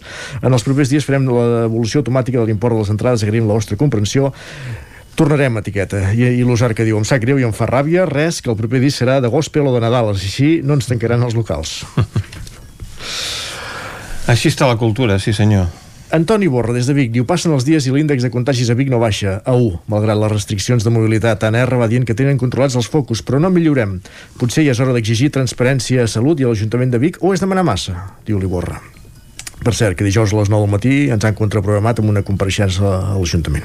No, exactament, per tant no, no és que no hi hagi transparència sinó que dijous donaran eh, tota la informació que calgui en aquesta roda de premsa que seguirem en directe aquí al Territori 17 Ens fixem en una piolada de per què no es fotin el tren que es fixen en un titular d'Osona.com que diu que el VET anuncia que tenen molt avançat el projecte del tercer carril de la C-17 en sentit nord. I els aparcaments no ens fotin el tren, diuen. En canvi, la doble via de l'R3 no està gens avançada. Amb accions com aquestes demostreu que la declaració d'emergència climàtica no és més que paper mullat. I aquí citen en Damià Calvet, el Departament de Territori, Rodalies, Renfe i Adif. Divendres, al Territori 17, a la secció de cuina, parlàveu amb la Maria Nicolau i, i acte seguit ja feia un, un tuit, un cop publicat el podcast, deia he just obrir el portal de casa, claus a la mà dreta i cistell carregat de bolets a l'esquerra, em van trucar del 9, 9 que deu ser el 9 FM, per parlar en directe del ferrer, el tall i la situació dels restaurants. Al minut 2, 34, 35 arrenquen 20 minuts que havien de ser 10 que xerra com una mallarenga la dona, no? Això, de, tot, de tota manera, no ens ho va explicar, això, el cistell i els bolets. Veus? Però, clar, com que d'això se'n va fer un crom al 9-9, torna a fer el tuit i torna a recomanar escoltar la secció i ahir deia, m'envien això per WhatsApp i mira quina il·lusió. Si voleu poder recuperar aquells minuts de ràdio comarcal que és amor en directe a partir d'aquí, del minut 22, 34, 35. Doncs ja ho sabeu, Territori 17, amor en directe. Uh, I acabem amb un fet luctuós. La Federació de Penyes de l'Espanyol piula, lamentem profundament la pèrdua de Pere Cortó, president de la penya blanc i blava de Centelles des de fa 25 anys. Des de la Federació volem transmetre el nostre més sincer condol a familiars i amics, descansi en pau. Ho repiula també des de la penya blaugrana de Roda de Ter, Jordi Bou. Lamentem la pèrdua en Pere, gran persona i gran perico, descansa en pau, amic. Mm -hmm. Molt bé, doncs efectivament lamentem aquesta pèrdua d'una persona significada no només per haver estat al capdavant de la penya blanca i blava, sinó també d'altres activitats esportives de Centelles. I ara el que farem és anar a veure què treuen portada al 99.cat. Doncs l'ampli reportatge que feia el 9-9 l'edició d'aquest dilluns, Agustí Danés, el dilema de, dels impostos que han de fer els ajuntaments, a, a pujar o congelar taxes i, i impostos. També que Llatenes vol incorporar la figura d'un vigilant municipal amb, eh, i també l'entrevista als Segals d'Osona, que aquest diumenge no van poder fer la seva diada per motius obvis, caldrà reactivar el fet casteller un cop acabi la pandèmia. I a la portada de l'edició Vallès Oriental, per començar se'ns ha despertat un anunci flotant, ara. Els nadons nascuts a la clínica del Carme de la Mutu de Granollers a la campanya Somriures que curen. Entrevista a Anna Montes, m'agrada la paraula sororitat. Amazon perfila a Parets la segona implantació al Vallès Oriental i denuncien un home per demanar fotos íntimes d'un jove actor de l'Ametlla. Carai, doncs bé, deixem aquí aquest repàs digital i anem cap a la taula de redacció. Bon dia. Territori 17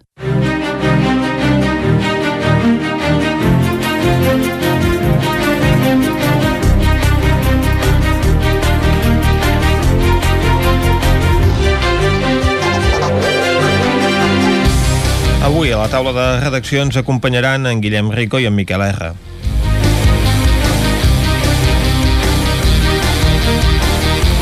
Començarem parlant de la situació de les agències de viatges, un dels sectors que estan al límit a conseqüència de la pandèmia i d'això en té més detalls en Guillem Rico. Bon dia, Guillem. Hola, bon dia. Doncs sí, agències de viatges són un altre dels negocis que, que es veuen afectats per la pandèmia, de fet, com pràcticament tot. No podem viatjar, per tant, eh, les agències de viatges... De mobilitat, Uh -huh. doncs, clar, es fan que això sigui molt complicat. Uh, de fet, ens deien això, que des del març els ingressos han estat pràcticament zero, en alguns casos pràcticament zero, i en uh, altres casos fins i tot ja han perdut diners perquè han hagut de fer retorns o han perdut comissions de viatges que, que ja havien organitzat uh -huh. i que els han, com que els han hagut d'anul·lar doncs han hagut de, de recuperar aquesta, aquesta part. Uh, ens explicaven això, que sobretot les primeres setmanes van dedicar molt temps a, a ajudar gent que havien quedat penjats pel món, uh -huh. uh, que intentaven tornar i que amb les restriccions en, en, la majoria de països doncs, els, hi, um, els hi era complicat uh, poder tornar, poder viatjar des d'allò que tenien previst o, o gestionaven, per exemple, avançaments de dates de tornada, uh, etc etc. doncs per això, per aquestes persones que estaven, de fet n'hem parlat algunes vegades de gent que tenien problemes per tornar, doncs ells també feien feien aquestes gestions, uh -huh. també evidentment van haver de tancar i llavors també que han hagut de fer molts és eh, agències que tenen treballadors, doncs posar-los en, en ERTOs. Clar, ells deien això també que no tenen ingressos pràcticament i que les despeses hi són, hi són de totes maneres. També ens parlaven de, de la dificultat això amb aquestes cancel·lacions i amb aquests canvis doncs que les, els majoristes i també les, les companyies aèries doncs que també era molt difícil eh, poder gestionar algunes coses amb ells, eh, també per aquests retorns que molts arriben tard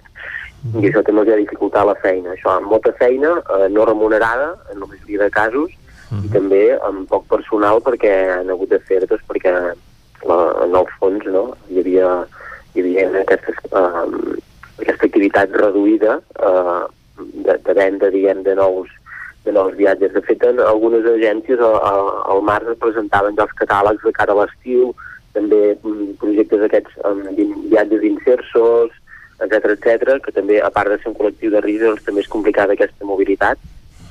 Viatges que potser molts eren ara, ara en aquestes dates. Algunes ens deien això, que tenien sort, que tenien alguna altra activitat complementària que els ajudava a sobreviure, algunes que tenen el loca locals propis els dies més fàcil, altres eh, han pactat eh, reduccions de lloguers, però clar, hi ha despeses fixes que no baixen, i per exemple de telèfon, amb trucades amb segons quins números per gestionar determinats mm, aspectes amb 807 i 902, doncs també que els havia pujat molt la, la factura de, de, del telèfon.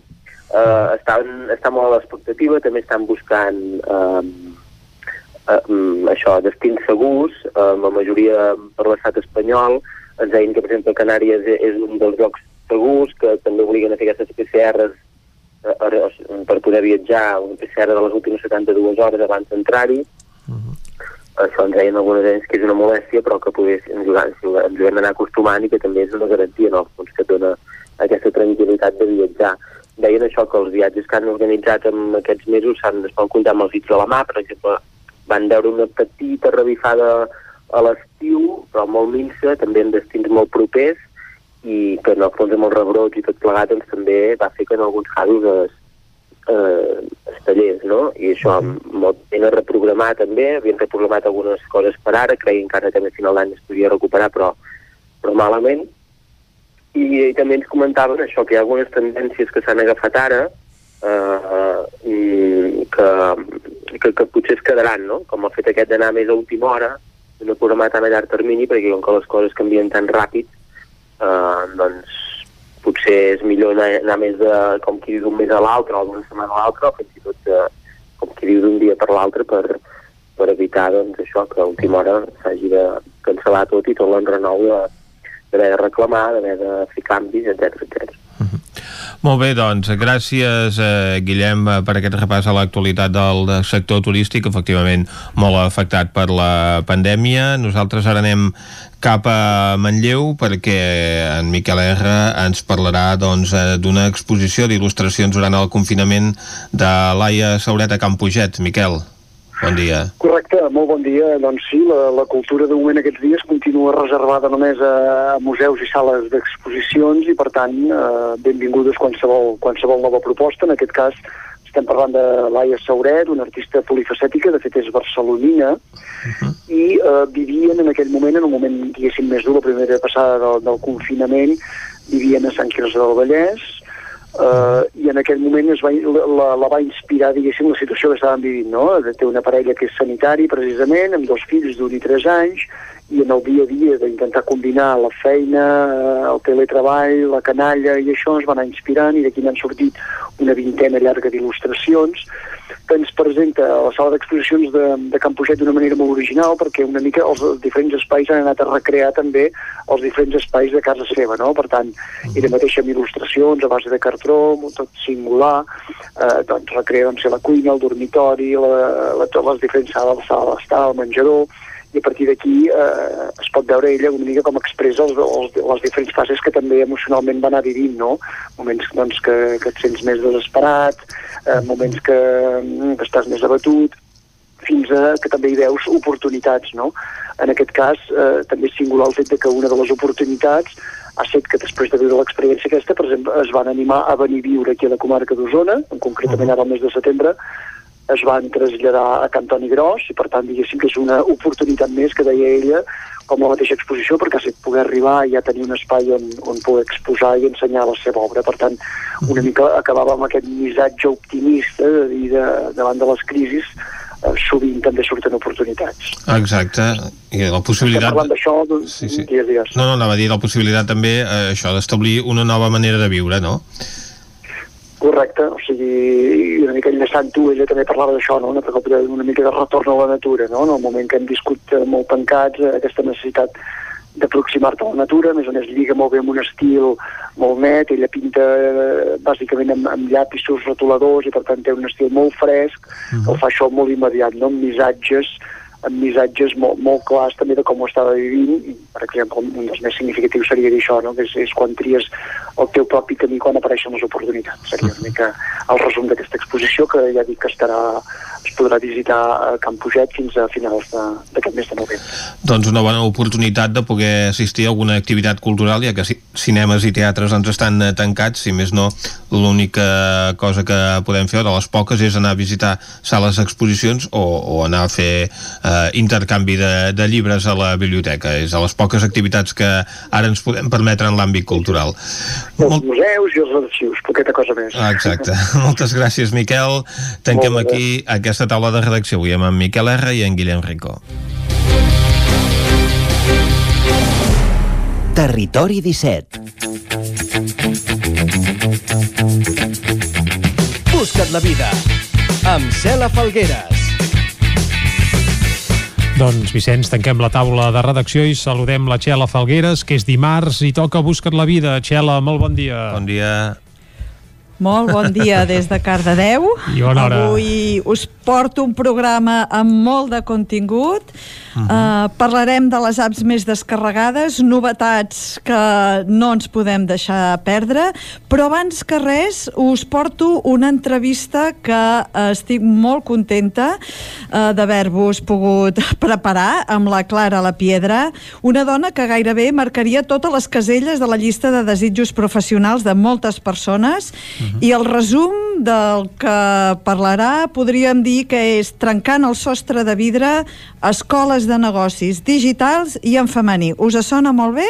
Mm, sí, tant. fantàstic. doncs vinga, anem a escoltar l'entrevista amb la Clara, que no té pèrdua. Anem-hi. Estem amb la Clara La Piedra, consultora estratègica i experta en innovació, intraemprenedoria i en processos de transformació. Benvinguda, Clara. Moltes gràcies, Txela, per convidar-me. Com et definiries? Perquè llegint sobre tu fas tantes coses que qui ets? Bueno, sóc la Clara i sí que et diria que per definir-me sóc una persona inquieta, inconformista i molt curiosa. Avui et convido perquè em parlis de la teva última aventura emprenedora o del teu últim projecte que acaba de néixer, que és Aula Magna Business School. Explica'ns què és aquesta Business School i com sorgeix la idea. Doncs sí, Txela, eh, Aula Magna Business School a mi em fa molta il·lusió dir que, de fet, ja no és un projecte, ja és una realitat perquè tenem la primera edició en marxa i, de fet, ha volgut ser una business school de nova generació o escola de negoci, no? O sigui, les que coneixem o bé tenen un enfocament molt tradicional i, i, i, bueno, i segurament uh, s'estan intentant posar les piles pel que fa a la digitalització i, i, i vendre cursos online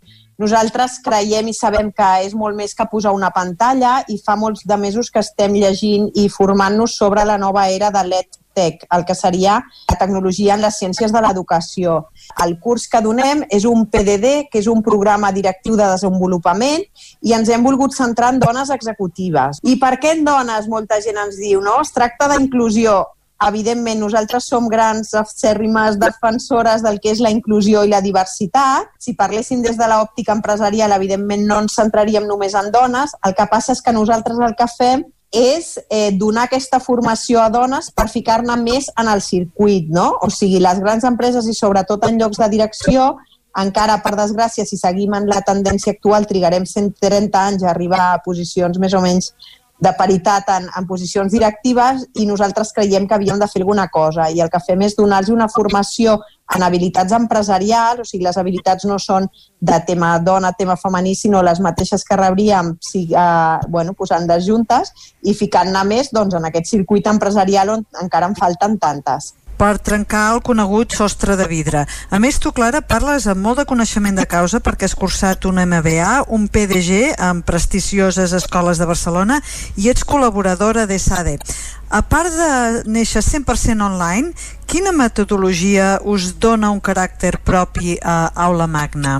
Exacte, doncs com tu dius, sense ànim de tirar en contra d'universitats de les quals jo he assistit i de les quals guardo molt, uh, moltes amistats i molt, molta, molt bon record, creiem que és totalment compatible. No? Nosaltres el que hem fet és fer un programa que és natiu digital i ens basem en quatre pilars diferencials no? respecte a les formacions tradicionals que tu comentes. El primer és, com dèiem, l'enfocament inclusiu, no? no només amb el programa per dones, sinó realment els programes que jo hem fet era com si fos programa per homes, però no se li deia així. Per què? Perquè el 90, en aquest cas era un 98,5% de casos que vam treballar eren eh, protagonitzats per homes, eh, el gairebé 90% de professors que vam tenir eren homes, i bueno, doncs no hi havia, diguéssim, aquesta era com, com una trampa, no?, de dir, ostres, és un programa per... Voleu que hi hagi dones perquè dieu que amb, amb sort arribeu al 30% de dones en programes executius, però en canvi veig que ni els casos ni els professors són representatius, no? Llavors, primer és l'enfocament inclusiu, en segon lloc és l'enfocament des del punt de vista del, de la forma, no? Eh, nosaltres dediquem una jornada laboral, però sense deures, és a dir, la, el nostre e-campus permet una formació interactiva en el qual les alumnes interactuen entre elles, interactuen amb les professores i també assisteixen a masterclasses i tenen continguts que han d'anar uh, progressant. I llavors tot això ho fem dintre d'una jornada laboral. Les dones ens hem d'ajudar a intentar combatre el que és el síndrome de la impostora, no? que ja de per si el tenim, si a més a més volem formar-nos i bueno, rascar temps de més, que temps que correspon potser a la família o a nosaltres mateixes no? com a descans mental, eh, no funciona i no el gaudiries. Llavors, jo quan he passat per programes m'ha donat la sensació que he pres moltíssim, he fet moltes amistats, ho tornaria a fer, però no he disfrutat. No? I això és el que teníem clar. Ens ho hem de posar fàcil, les dones que treballem full time i que a més a més tenim família, i llavors no veiem altre format. No? El tercer pilar és que nosaltres també hem volgut volgut oferir un enfocament d'una teoria molt aplicada. O sigui, és un programa que dura sis mesos, llavors no volíem centrar-nos en coses que potser no t'aporten valor. No? Al final ens expliquen les coses una vegada i en tenim prou. I part d'aquest enfocament teòrico-pràctic és que totes les professores que tenim són dones que són expertes full-time en els seus camps, no? O sigui, elles treballen en aquests camps, llavors eh, ens carreguem, diguéssim, a vegades aquest viatge que hi ha entre el que es pot explicar una persona molt acadèmica que no té experiència en el camp de vista, en el punt de vista eh, real de les empreses. I per últim és que treballem el mètode del cas també des d'un enfocament internacional i no parlem de best practices, sinó el que diem best of the best, no? perquè nosaltres parlem de, de casos com, per exemple, eh, Futbol Club Barcelona, com per exemple Coca-Cola, com per exemple parlem de Zurich, entrevistem a Microsoft, Michelin, eh, bueno, grans empreses, no? amb la qual cosa eh, creiem que també a l'hora d'aprendre, si tu passes millor, millor, no? I si pots aprendre i tenir de, de prop i de primera mà exemples d'aquestes empreses és, és realment innovador, una cosa que fins ara doncs, no, no existia. Hi ha una cosa que no has comentat però que segurament que és ja transversalment en els vostres programes que són totes les soft skills, no? totes aquestes habilitats interpersonals que eh, fan eh, que al final les coses funcionin i hi hagi un ambient de treball i una motivació i que les coses vagin bé, no? Exacte. Nosaltres el que hem fet, i realment abans no t'he contestat, no? quan deies com va sorgir, doncs la idea d'innovar en el tema de, de les escoles de negocis ja la teníem des de fa temps, el que passa és que bueno, va sortir durant el confinament, com vam veure la possibilitat de, de que fos una possibilitat real de que pogués fer digital i que pogués funcionar bé, com que es va evangelitzar tant eh, el consumidor o consumidora en aquest cas pel fet d'haver-ho de, de fer tot online, vam veure l'oportunitat. Llavors, el que tu dius de soft skills eh, realment bueno, vam fer un design thinking amb pòstits que encara conservo aquí de veure realment què era el que funciona i el que ens serveix no, a les dones a l'hora d'aprendre i llavors em van sortir unes quantes bueno, habilitats i, i continguts que llavors els vam ordenar, no? I ens va sortir de forma progressiva i de forma ordenada tres blocs. El primer bloc és el que treballem totes aquestes soft skills que comentes, no? el que fa més referència a la persona i viatgem a través de parlar doncs, de la nostra marca personal, de les nostres habilitats de lideratge, de les nostres capacitats de negociació, de, de, de gestió del talent. Llavors, l'altre bloc és el que fa referència a empresa i el tercer és el que fa a l'entorn. No? Llavors, les soft skills, evidentment, es repeteixen transversalment, com tu dius, no només en, en el programa, sinó també en l'acompanyament que fem amb, amb coach executives, que el que fan és la part de customització per, per, per assolir l'èxit que busquem, no? innovant. Que és que a part del contingut ha d'haver una part que és personalitzada i sí, evidentment les soft skills de fet són les que més es valoren avui dia a l'hora de buscar feina, poc importa d'on vinguis, sinó que el que miren és doncs, bueno, això, en especial la teva capacitat d'adaptar-te i per això també nosaltres a l'hora de fer els equips de treball ja els fem que siguin de forma diversa. No? O sigui, si veiem dues que venen de Farma i una que ve de Madrid i una que ve de Barcelona, doncs bueno, intentem una miqueta que hi hagi diversitat en els equips. Com funciona aquest programa d'Aula Magna Business School? Doncs mira, aquest programa dura 20 setmanes, però és només els divendres. Els divendres de 9 a 5 no hi ha deures i és a aquest format. Llavors es fa tot online, a través de la web, no t'has de desplaçar i des d'aquí tens a format interactiu tota mena de continguts, masterclasses en directe, contactes amb les teves companyes i així, així funciona.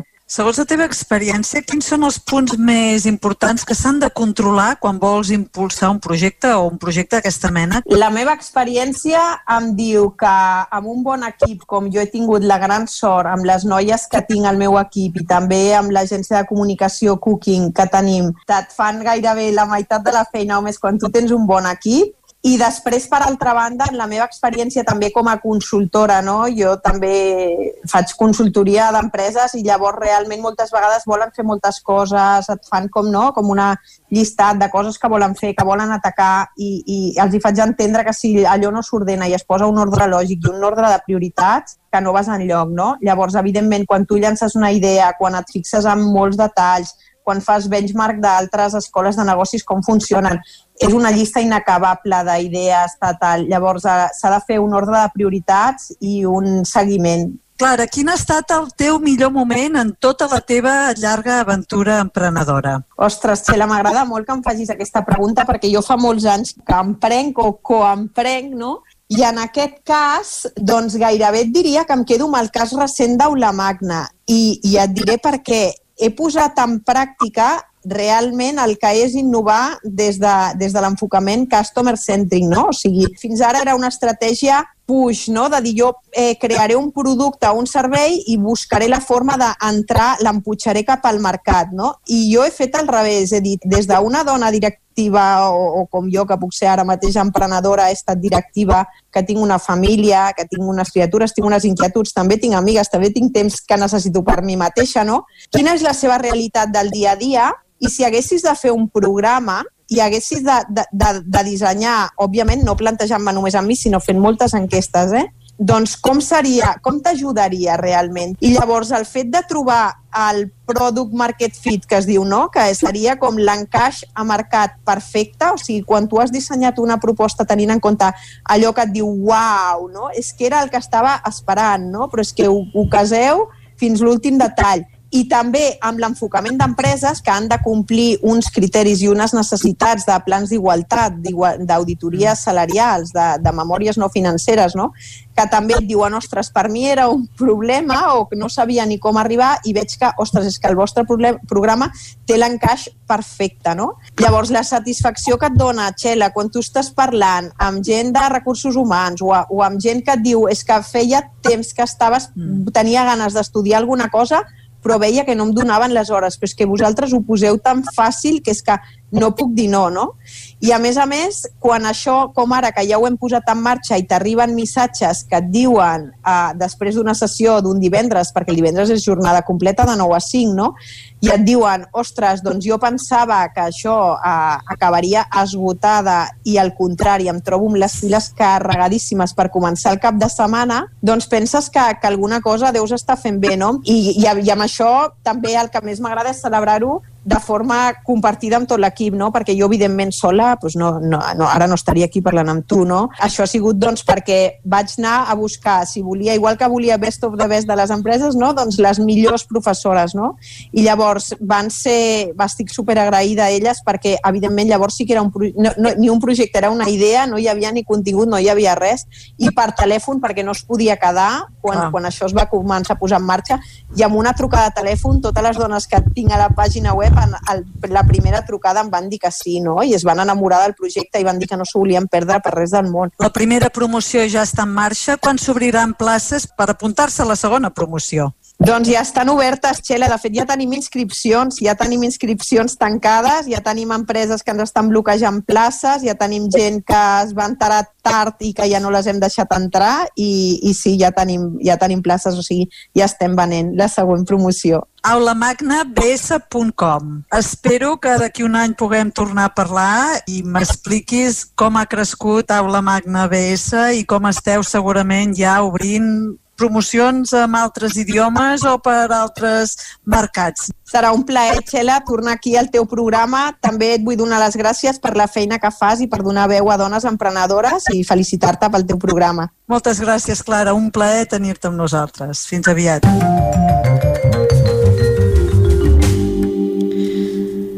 A revisar una mica quines són les apps que s'han descarregat més d'acord eh, amb les dades extretes per App Nani i eh, dades extretes aquesta primera setmana del mes de novembre.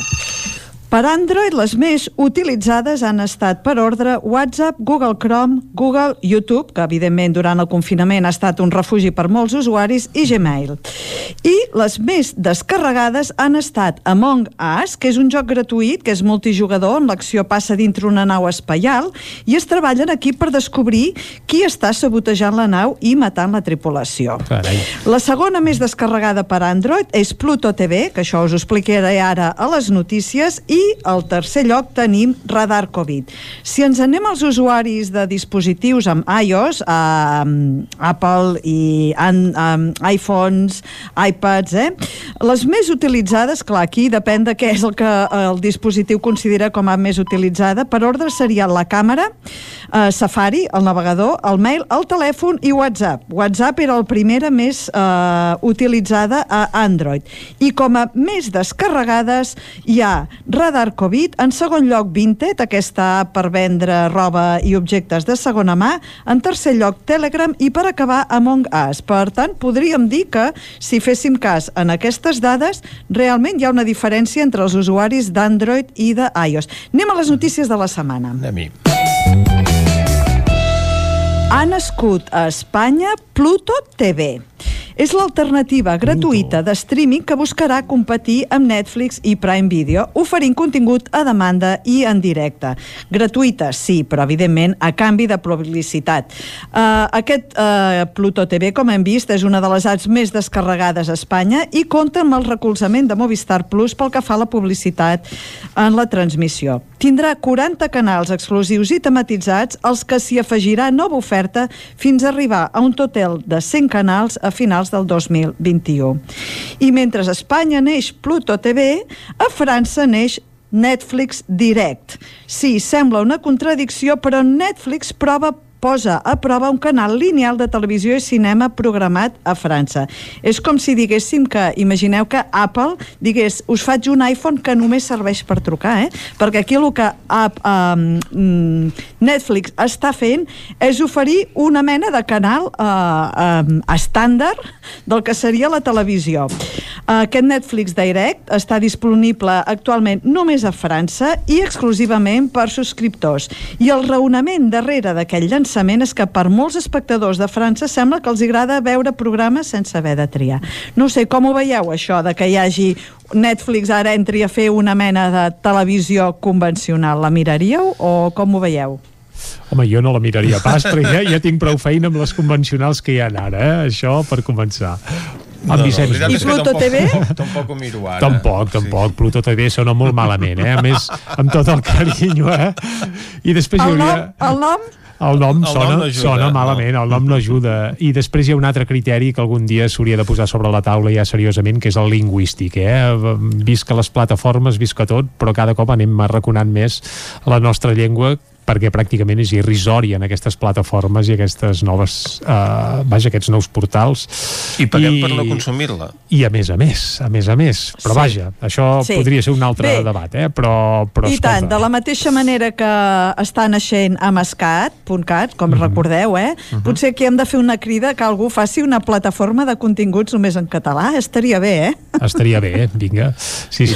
Vinga, Somiar és gratis, per tant somiem en gran. Us emplaço que ens retrobem el dimarts de la setmana que ve. Que vagi molt bé. Doncs vinga. Txela, que vagi molt bé. Salut i moltes gràcies. I nosaltres ara, quan són les 11 i 3 minuts del matí, acostem de nou la informació de les nostres comarques a tots vosaltres. Ja ho sabeu, us acostem la informació de les comarques del Ripollès, Osona, el Moianès i el Vallès Oriental. Territori 17, amb Vicenç Vigues i Jordi Sunyer.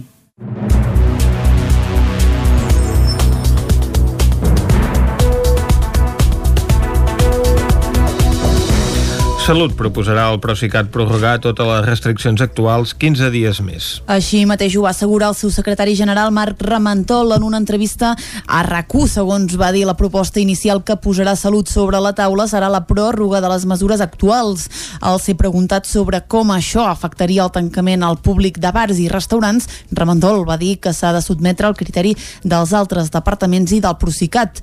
Pel que fa a les festes de Nadal, el secretari general va apuntar que es prendran les decisions al desembre perquè es pugui celebrar de manera segura, però va descartar relaxar les mesures només pel fet que siguin festes. El brot de coronavirus de la residència de Camp Planoles de Roda de Ter afecta 25 dels seus 65 usuaris, després que s'hagin confirmat dos nous positius els darrers dies. L'alcalde Roger Coromines assegura que la situació està controlada i que la resposta a la crida per la incorporació de personal ha estat bona cosa que permet substituir els treballadors contagiats.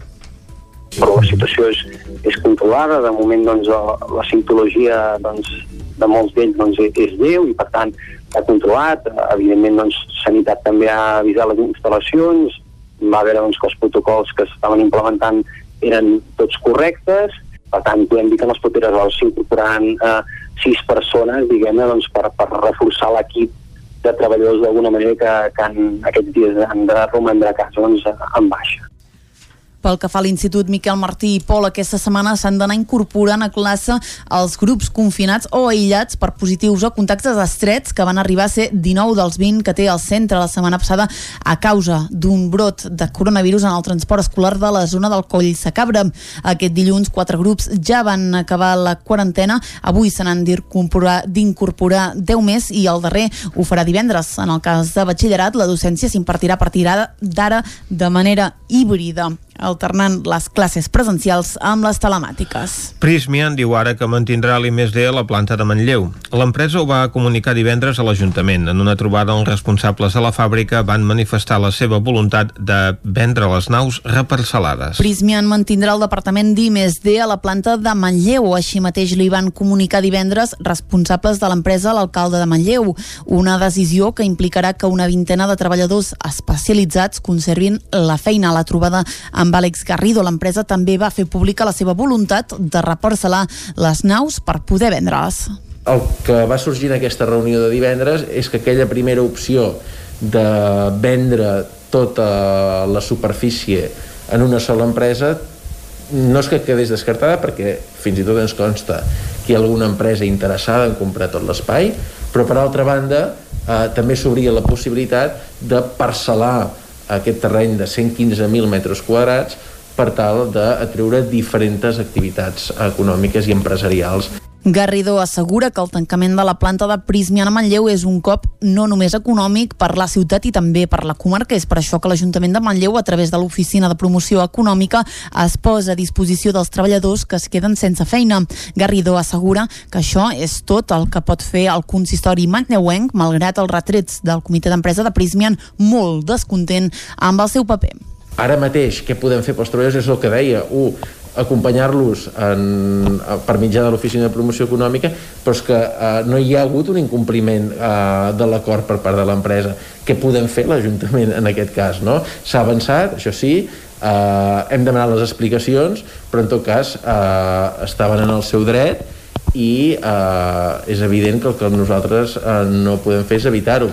En les properes setmanes l'empresa haurà de negociar amb la vintena de treballadors que es queden. Tots ells, però, estan a l'acord que es va fer entre la direcció i el comitè que suposava un acomiadament col·lectiu amb les indemnitzacions pertinents. Casals Ventilació ja ha venut més de 3.000 unitats del purificador d'aire Renter per tot el món. Isaac Muntades, des de la veu de Sant Joan. A partir de l'inici de la pandèmia de la Covid-19, l'empresa Sant Joanina Casals Ventilació va iniciar la fabricació i la comercialització del Renter, una caixa de ventilació que incorpora un filtre EPA 14 i permet purificar l'aire d'un espai de fins a 90 metres quadrats, eliminant partícules com virus, males olors i millorant la qualitat de l'aire per les persones amb problemes respiratoris com l'asma, al·lèrgia al polen o els pèls dels animals. Abans de la producció del Renter, Casals Ventilació havia perdut al voltant d'un 30% de la facturació del producte tradicional durant el primer trimestre de l'any, però gràcies a la creació del purificador han aconseguit remuntar. A hores d'ara ja n'han venut més de 3.000 unitats, uns productes pensats per espais petits com aules d'escoles, oficines, sales d'espera, farmàcies, clíniques, perruqueries o sales de reunions. La directora de màrqueting i comunicació de l'empresa, Cristina Carles, va explicar que la producció del Renter també els ha permès contractar més personal. A nivell de personal de fàbrica, d'operaris, s'han contractat 25 persones més perquè és que no, no donàvem l'abast. De fet, hem muntat una altra línia de producció, bueno, dues línies de producció, per fer aquest tipus de producte. I no només aquest, perquè a partir del que és el Reinter, que és el purificador portàtil, n'hem fet d'altres per espais molt més grans, com poden ser escorxadors, poden ser sales de manipulació de carn, on tenen un risc altíssim de contagi. I clar, això exigeix també continuar amb la producció que ja teníem de, de lo que és la ventilació tradicional i ara combinar-la amb, amb aquest boom dels purificadors d'aire, que dic, n'hi ha per espais industrials, per espais comercials, que es pengen en els sostres. Aquí t'exigeix no sé, una purificació d'una quantitat d'aire molt més elevat. Carles també va remarcar que aquest tipus de purificadors que fabriquen també seran ideals per teatres, cinemes o sales de festes quan puguin obrir, tot i que va insistir en la necessitat de seguir portant la mascareta i mantenir la distància de seguretat, ja que el risc zero no existeix. Com deia Carles abans, l'èxit del producte ha estat total i de fet l'estan exportant arreu del món. Distribuïm a tot el món. O sigui, nosaltres, el nostre principal mercat en purificació d'aire va començar sobretot molt fort a nivell de tota la península ibèrica, Catalunya, Portugal, a tota Espanya, però també de nivell d'exportació. Diré, a Alemanya, nosaltres ja teníem presència en el mercat alemany, hem incrementat moltíssim perquè és un mercat que coneix molt bé el tema de la purificació d'aire no coneixen la marca, saben que en, sabem el que fem, que els nostres productes són de llarga durada, no, no caduquen fàcilment i ens han comprat moltes unitats, han fet una aposta molt forta per incloure el Reintaire dintre d'Alemanya i després eh, estem molt contents perquè a Estats Units també hi hem entrat eh, molt fort, hem enviat dos contenidors i estem preparant un tercer. El Renter és un producte car que oscil·la entre els 600 i 2.000 euros, però com que vol ser una solució per ajudar a combatre la pandèmia i són conscients que no tothom se'l pot permetre econòmicament, es pot pagar a terminis de forma mensual. Això sí, per optar a aquesta oferta se n'ha de fer una comanda d'almenys 10 unitats. El centre de Cardedeu tornarà a estar en obres per ampliar la zona de vianants al tram del carrer Doctor Klein, entre els carrers Sant Eloi i Sant Ramon. David Oladell, de Ràdio Televisió, Cardedeu. Aquest tram passarà a ser plataforma única de prioritat per a vianants. Les obres van començar ahir dilluns i la previsió és que durin 7 setmanes. Estan dividides en dues fases per tal de garantir l'accés de veïns i comerciants.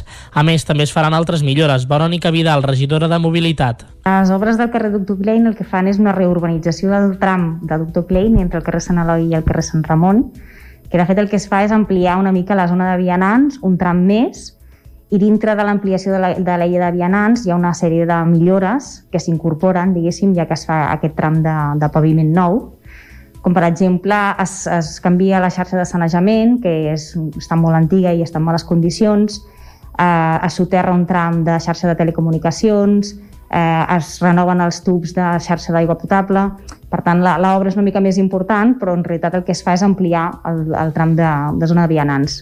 A la primera fase es treballa la calçada deixant lliures les voreres. Es tallaran les cruïlles del carrer Doctor Klein amb els carrers Sant Eloi i Sant Ramon i el tram de Sant Eloi al carrer Montseny quedarà tallat al trànsit garantint l'accés del veïnat als aparcaments privats i als comerciants.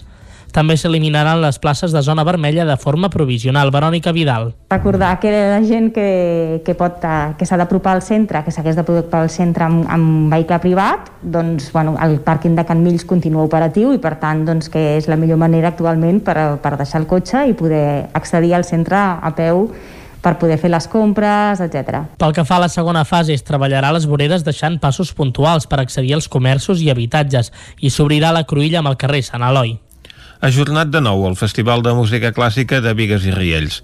Del 7 al 18 de novembre, la Regidoria de Cultura havia programat diverses actuacions que s'hauran de posposar a la primavera del 2021.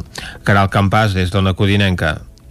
Habitualment, durant la primavera, Vigues i Riells acull el Festival de Música Clàssica. El 2019 ho va fer amb un cartell de proximitat apostant per artistes de quilòmetre zero. Aquest 2020 la regidoria de Cultura tenia el cicle preparat del 9 al 31 de maig, però la irrupció de la Covid-19 al país i les restriccions derivades de la declaració de l'estat d'alarma van fer que s'hagués d'ajornar. Mig any després, el consistori tenia preparat un nou cartell pel Festival de Música Clàssica 2020 del 7 al 18 de novembre, però novament la situació d'emergència sanitària ha fet impossible que es pugui portar a terme en aquests moments. Judit Canal és regidora de Cultura. Sí, sí, sí, seria l'edició que hauríem d'haver fet al maig del 2020, fer-la al maig del 2021. Bàsicament perquè els formats els, els creiem que són com molt visuals i molt potents i, i ens sabia greu transformar-ho a algo digital. Perquè al final creiem que hi ha molta oferta també digital i, ostres, l'oportunitat almenys de, de que els artistes doncs, ho puguin fer en un escenari amb les condicions que toquen i amb, un públic, que jo penso que també, que també n'estan una miqueta desitjosos no, de, tenir, de tenir públic. Tot i aquesta nova suspensió, el consistori té la intenció de celebrar el Festival de Música Clàssica de Vigues i Riells la primavera del 2021. I fins aquí el butlletí de notícies de les 11 del matí que us hem ofert amb les veus de Vicenç Vigues, Clàudia Dinarès, David Auladell, Caral Campàs i Isaac Muntades. Ara el que toca és parlar d'economia i ho farem, com sempre, amb el Joan Carles Arredondo. El saludem d'aquí mig minut. Fins ara. Territori 17. Envia'ns les teves notes de veu per WhatsApp al 646 079 023. 646 079 023. WhatsApp Territori 17.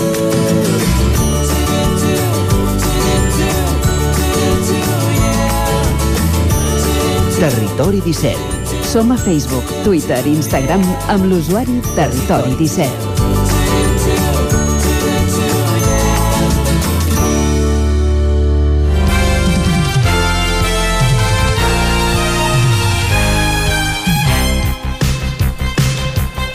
I ara, quan és pràcticament un quart de 12, nosaltres el que farem és anar cap a Toledo, perquè fins allà ens porta avui en Joan Carles Arredondo en la seva secció d'Economia de cada dimarts. Joan Carles, avui hem de parlar del Pacte de Toledo, no? Sí, no, no, no, no, som a Toledo, eh? vull dir, no, no tindrem cap repercussió per parlar català ni res, eh? Vull dir, de, de moment ho estem fent des d'aquí, però sí... Ni hem de eh, passar per Madrid i, i, i córrer el risc d'agafar el virus. No, però a més, com que no podem sortir, no? Em sembla No. que no, No podem no, sortir no de sortir de, del país, doncs, del Principat, en aquest cas. Um, de tota manera, efectivament, eh, existeix aquest, uh, aquesta institució, aquest organisme que es diu Pacte de Toledo. De fet, no- hauria de ser una mica més llarg tot això. És la comissió de seguiment del Pacte de Toledo, perquè el Pacte de Toledo era aquest mm, punt de partida de mm, tenir algun organisme que garantís les pensions del futur. Eh, I diguem-ne que ara aquesta comissió de seguiment, que és una comissió parlamentària, hi ha representats els grups, eh, els grups amb representació al, al, Congrés de Diputats, ha fet eh, això, eh, una vintena de recomanacions com a base d'una futura reforma del sistema de pensions. Això ha sigut després de quatre anys de debat, per arribar a unes conclusions que de fet configuren una paradoxa, eh? serà una reforma poc reformista. Mm, Diguem-ne que no, si, si, el- si s'esperava una gran revolució, no sembla que aquest sigui el, el cas. Eh? Um, és potser un contrasentit, eh? que, que una reforma sigui poc reformista, i sobretot no, ho és no, no està Espanya per revolucions. no, però eh, diguem-ne que partirem de que el sistema porta 10 anys en, grau, en grans dèficits Mm -hmm. i aquest any encara previsiblement quedarà molt agreujat, ara ho explicarem, eh, molt agreujat, eh, manera d'una manera superlativa arran de la crisi de la Covid-19. Eh, entre la vintena de recomanacions que la Comissió Parlamentària ha apuntat per al posterior debat, eh, primer el, el mateix Congrés i després el govern espanyol, que serà qui acabarà, diguem-ne, posant-ho en forma de decrets, n'hi ha una prèvia, eh? una mena de recomanació zero, que és la que després s'acaba reflectint en la resta. No hi haurà cap renúncia al que, estan la, al que han estat la, la, les bases del sistema fins a l'actualitat. Eh, el sistema continuarà sent que els pensionistes actuals reben les prestacions en base a les cotitzacions dels treballadors actuals. Um, i aquests quan es jubilin tindrà, veu- veuran retornada aquesta solidaritat actual amb els treballadors que hi hagi en el moment en què ells se jubilin. No? Aquest és el, la, la base del sistema és aquest. No? A partir de no canviar els, els principis, la resta de les recomanacions venen a ser uns retocs i no necessàriament tendents a reduir la despesa o a incrementar els ingressos, sinó més aviat a fer un intercanvi de partides que si bé mm, afavoriran la caixa de la Seguretat Social, acaben en un joc de vasos comunicants que acaba resultant igual a zero. Um, intentem explicar-ho més, eh? Ah. Un, de, un dels canvis més rellevants és precisament aquest canvi de despesa. Fins ara algunes partides eh, que es pagaven a través de la Caixa de la Seguretat Social no formaven exactament part del sistema, no? La Seguretat Social ha hagut de suportar bonificacions a empreses, tarifes planes autònoms, prestacions derivades de la cura de nadons, complements de maternitat, són coses que li són alienes, diguem, a la mateixa Seguretat Social, i fins i tot no, no, no pren decisions sobre, sobre aquests camps, no? És a dir, uh -huh. si, si, si es decideix que hi haurà bonificacions a la Seguretat Social, la Seguretat Social no pot dir-hi res, mm, és una decisió del govern, però en canvi l'ha de pagar. Això, D'això se'n diu despeses impròpies. Um, també mm, hi ha altres autors que també inclourien aquí, diguem-ne, el que serien pensions de viduïtat o d'orfandat, mm, perquè diguem-ne que els orfes i les vídues no han pagat exactament a la Caixa de la Seguretat Social que s'ha de fer càrrec, en canvi, mm, i, i amb justícia, eh? diguem-ne que, que les persones que queden en aquesta situació és evident que han de rebre alguna, alguna prestació, però no està clar que hagi de ser exactament de la Caixa de la Seguretat Social. Um, no és que aquestes prestacions es deixin de pagar, uh, sinó que haurien de sortir d'una altra caixa. I aquesta caixa es diuen pressupostos generals de l'Estat i, per tant, uh, s'hauran de suportar a partir d'impostos però no pas de les cotitzacions dels treballadors en actiu que haurien de servir per pagar, diguem-ne, les persones que estan ara rebent pensions. Retirar aquestes despeses impròpies significaria reduir la factura de la Seguretat Social per un import entre 15.000 i 17.000 milions d'euros, i això és aproximadament el dèficit de fa un any. Eh? Uh, això, diguem-ne que el, fa un any el dèficit havia estat d'aquestes dimensions, per tant, mm, diguem-ne que treure-li aquestes despeses tindria doncs, aquest, aquest element favorable. L'altre gran titular que es pot extreure de les recomanacions aproximadament consensuades entre els partits parlamentaris eh, és el retoc de les revisions anuals de les pensions sobre la base de l'índex de preus de consum, eh, l'IPC pels amics. Eh, si recordem, eh, mm, hi havia una revisió anterior del govern, que es va fer durant un govern del PP que en, en el qual s'havia manifestat la impossibilitat de garantir que el sistema pogués seguir suportant aquesta cosa, això se'n diu indexar, eh, és una paraula lletja, eh? però diguem-ne que posar eh, increments equivalents a l'increment de l'IPC eh, se'n diu indexar, i això va dir que no, no era sostenible pel sistema i el va vincular a l'evolució dels ingressos que tingués el, la, la Caixa de la Seguretat Social eh, amb un mínim de 0,25% d'increments si aquests no, no creixien prou. El que va passar és que sempre va quedar en el 0,25%, perquè no creixien els ingressos i, i això va ser el que va anar passant mentre va haver-hi govern de Rajoy uh, fins que uh, va, a partir de la moció de censura mm, van entrar, diguem-ne, la configuració primer socialista sols i ara amb, amb, amb Unides Podem, que això s'ha mantingut i ja s'estaven fent aquests increments per, per indexats a l'IPC. Eh? I ara aquest any que hi pot haver un IPC negatiu, què pot acabar passant? Uh, diguem-ne que ja, ja ha garantit que hi haurà un increment d'un 0,9%. Uh, el 0,25 donava unes mitjanes d'un euro, més o menys, eh? Uh, si, si ho recordem. pensió, no? Un 0,9 pues, bé, serà una mica més, potser seran dos, Tres dos euros. euros i mig, 3 euros. Uh, de tota manera, efectivament, pot ser que acabi amb IPC negatiu i aquest any ja sí que s'havia garantit un 0,9. Hi ha encara una tercera novetat eh, que comportarà que els treballadors que jubilin puguin escollir com a base de la cotització els salaris 25, eh, percebuts en els 25 anys que li hagin resultat més favorables i no com fins ara que es comptaven els 25 últims. Això té una raó de ser perquè és que abans, diguem-ne, que els últims 25 anys era quan segurament la carrera professional estava més consolidada i per tant no hi havia cap problema si els ingressos, eh, si, si es miraven els ingressos dels últims 25 anys. Ara, mm, diguem-ne que això no és exactament així o no, no passa sempre i llavors el que deixen és que eh, aquest, aquest futur pensionista pugui triar entre els 25 anys que ha tingut millors cotitzacions. No? Encara hi ha altres mm, modificacions, com els incentius per allargar la vida laboral més enllà de la- de l'edat de, de jubilació, i alguns límits a les jubilacions anticipades, eh? perquè ara està passant que ja, diguem-ne, la mitjana d'edat de jubilació està bastant per sota de la que legalment hauria de ser, que són els 60, a partir fins al, dos, el, o sigui, el 2027 arribarà a ser els 67 anys, eh? ara està es va incrementant progressivament fins que el 2027 sigui el 67, però la mitjana està mm, baixa, està cap al 62, més o menys. Eh? Aquest és un altre de, de, de les costes que ha hagut d'afrontar la Seguretat Social, no? Aquestes jubilacions anticipades que moltes vegades han vingut acompanyades d'operacions de grans empreses que s'han després de personal, tot i ser empreses que generaven beneficis. Això és exactament el que veníem a apuntar ara, no? Que ja es veurà si el govern és capaç de fer-lo complir, eh? Per exemple, ara que s'està parlant d'entitats de, bancàries i fusions i, i necessitat de, de... Bueno, i excedents de personal, eh, a veure si serà capaç de fer complir aquesta, aquesta recomanació de moment eh, en, en aquestes grans entitats. Uh -huh. Entre tots haurem d'estar pagant un segon rescat bancari. Eh, sí, perquè, de, de fet, eh, clar, entenc que aquesta és una sortida poc traumàtica laboralment eh, i socialment, però acaba sent que efectivament el, perdó, eh, anava a dir una, la festa la paguem tots, no, no, no és una festa, eh? No. Uh, diguem-ne que la situació... Home, és, una, festa per, per l'empresa, això segur. Que, la, la situació l'acaben pagant tots, efectivament, i això... Mm. No, no, només dic, haurem de veure si som capaços de fer-ho complir de moment han passat moltes prejubilacions eh, i amb edats molt, molt diguem-ne, molt aviat, um, no? O sigui, 54, etc que um, sí que és veritat que no, l'Estat no ho assumeix tot i hi ha complements per part de l'empresa perquè arribin a, amb, amb una, el, el que els pertocaria com a pensió, però, clar, són molts anys en què entre tots ho aguantem, eh? diguem-ne això, aquestes mesures.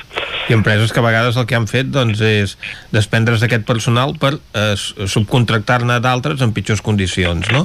A través Aquesta... d'empreses interposades, és a dir, que aquells llocs de treball s'han acabat ocupant però amb unes condicions molt més avantatjoses per l'empresa. Ah, efectivament, no? I, doncs, tot això que hem explicat fins ara són només recomanacions, eh, que han de passar tràmits parlamentaris, aprovacions governamentals, però que marquen, si no la lletra, almenys si la música del que vindrà pels anys, pels anys vinents. No? La música sona a increment de cost per un sistema que ja està molt tensionat. És cert que es descarreguen algunes despeses impròpies i això contribuirà a reduir el dèficit, a canvi d'incrementar el dèficit de la seguretat social, a canvi d'incrementar el dèficit corrent, si no hi ha un increment d'impostos per, un, per un import equivalent. Mm, moltes d'aquestes mesures anuncien més increment de despesa que no pas estalvi. Incrementar la despesa implica haver d'incrementar també els ingressos perquè aconseguir que l'edat re real de, real de jubilació s'aproximi per fi a l'edat legal, això que estàvem parlant ara, eh? um, és, és clarament un estalvi per només una part de l'estalvi necessari. No? Més ingressos hauria d'implicar que el mercat de treball tingués capacitat de pagar millors salaris eh, en els treballadors en actiu, un extrem que s'aconsegueix a, a, a través d'un sistema laboral amb més productivitat. També es pot aconseguir generar molta més ocupació que, que s'hauria de cobrir amb immigració o després un creixement de la natalitat. Eh? Diguem-ne que la manera d'incrementar els ingressos una mica està és coneguda i és aquesta, no? En, en aquests moments no s'estan pagant salaris molt alts, eh, més aviat s'està tendint al contrari, de manera que mm, o s'aconsegueix que el mercat de treball sigui més productiu o s'aconsegueix que hi hagi moltíssima més gent, no, diguem-ne, treballant. I de moment no sembla que els vents tirin per aquí. Uh -huh. Per tant, el que es porta a aprovació dels partits parla poc de la necessitat de millorar aquestes condicions de treball per incrementar els ingressos i tot plegat en, en un any en el qual el dèficit del, del sistema de la seguretat social marcarà un rècord. Es calcula un 4,1% del PIB, que això traduït eh, en, en traduït en calés és 45.000 milions d'euros. Eh? És, és, és el, el que s'està anunciant. És evident que la Seguretat Social ha hagut d'assumir moltes despeses. Eh? I les reformes, normalment les reformes del sistema provoquen inquietuds perquè quan es parla de reformes i seguretat social normalment és sinònim de, de retallada. Uh -huh. El que passa és que mm, potser era un moment d'intentar una reforma ara mm, que potser portés a reduccions graduals que no afrontar-la amb la tisorada abrupta, eh? eh? perquè la diferència entre reformes o deixar que passi el temps, eh, segurament només hem de consultar els grecs que els hi van baixar eh, les pensions un 20% de cop. Joan Carles, doncs a nosaltres ens ha esgotat el temps, gràcies per la teva aportació. El nou FM, la ràdio de casa, al 92.8. Cocodril Club.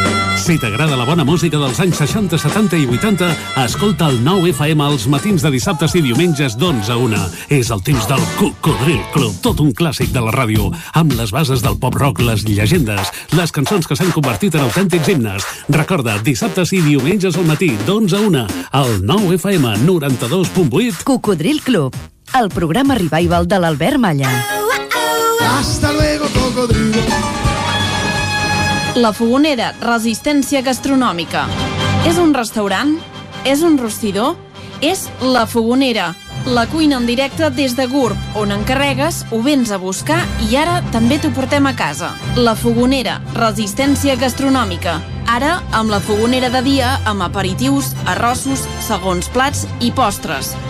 I quan cau la nit, ens transformem en un popurri culinari. Búrguers, pizza, pasta... Truca al 93 851 55 75 o entra a lafogonera.cat. La Fogonera, el teu aliat gastronòmic. Cobertes serveis funeraris. Els nostres tanatoris estan ubicats en els nuclis urbans més poblats de la comarca d'Osona per oferir un millor servei. Tanatori de Vic, Tanatori de Manlleu, Tanatori de Centelles i Tanatori de Roda de Ter. Sabem que són moments difícils i per això el nostre compromís és atendre-us en tot moment amb un tracte humà, sensible i respectuós. Cobertes serveis funeraris. Telèfon 24 hores 93 883 23 46.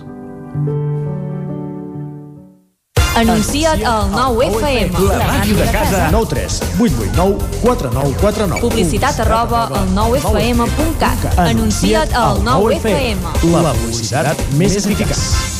Vols trencar amb l'oligopoli de l'IBEX 35?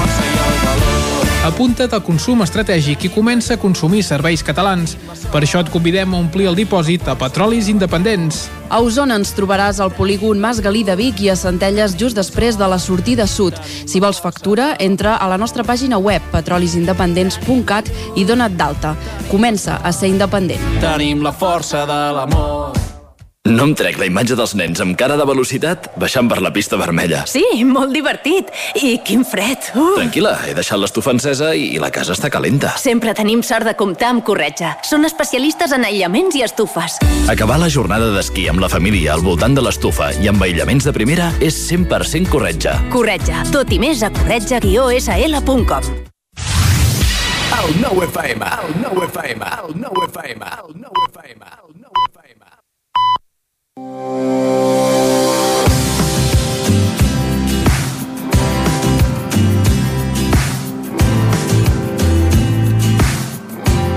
Avui a Terra Alta descobrirem la seva via verda coneixent el recorregut pas a pas.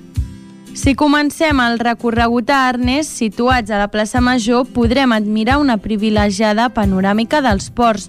El nucli històric d'aquest poble va ser declarat bé d'interès cultural per la Generalitat de Catalunya i el seu ajuntament és un dels primers d'estil renaixentista.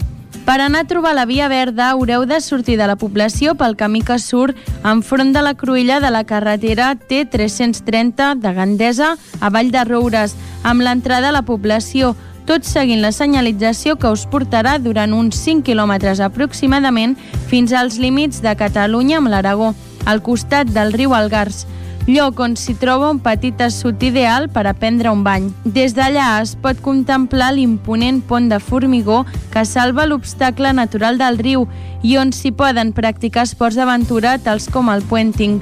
Ben a la vora trobareu l'estació d'Arnes Lledó, punt d'inici de la Via Verda de la Terra Alta.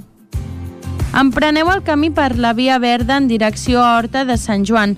Tan sols dos quilòmetres separen l'estació del municipi. A la població podreu visitar l'Ecomuseu dels Ports i el Centre Picasso, sent una de les visites obligades al nucli urbà medieval amb la plaça de l'Església, l'Ajuntament i l'Església de Sant Joan Baptista. Davant de l'estació d'Horta de Sant Joan trobareu el camí que us portarà cap al convent de Sant Salvador i cap a l'espai natural anomenat Racó de les Olles, indret de gran bellesa i lloc ideal per prendre un bany a les aigües del riu Canaleta. Des d'Horta, l'itinerari comença a baixar molt suaument. Diversos túnels i aquaductes conformen aquesta part del recorregut fins a arribar a l'estació de Bot, al vell mig del traçat al costat de la població. L'edifici més significatiu de Bot és l'església renaixentista de Sant Blai, situada al mig de la població. També es pot visitar l'ermita de Sant Josep, des d'on s'alvira una fantàstica vista de Bot, les serres de Pàndols i Cavalls i la Via Verda. A la vora de l'ermita s'hi troba l'àrea recreativa del Forat de la Donzella. Tot fent el recorregut, després de Bot arribareu a l'estació de Prat de Comte. Prat de Comte, 4 quilòmetres de la Via Verda, és un petit municipi poblat a l'època dels templers on hi destaca l'església de Sant Bartomeu, el portal, l'antiga porta d'entrada a la població, la destileria i el fort de pa.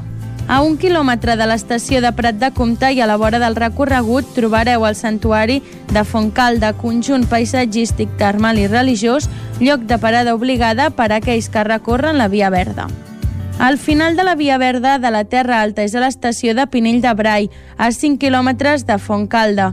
La població de Pinell la trobeu a 6 quilòmetres de la Via Verda, on ningú pot deixar de visitar el celler cooperatiu modernista de César Martinell, deixeble de Gaudí.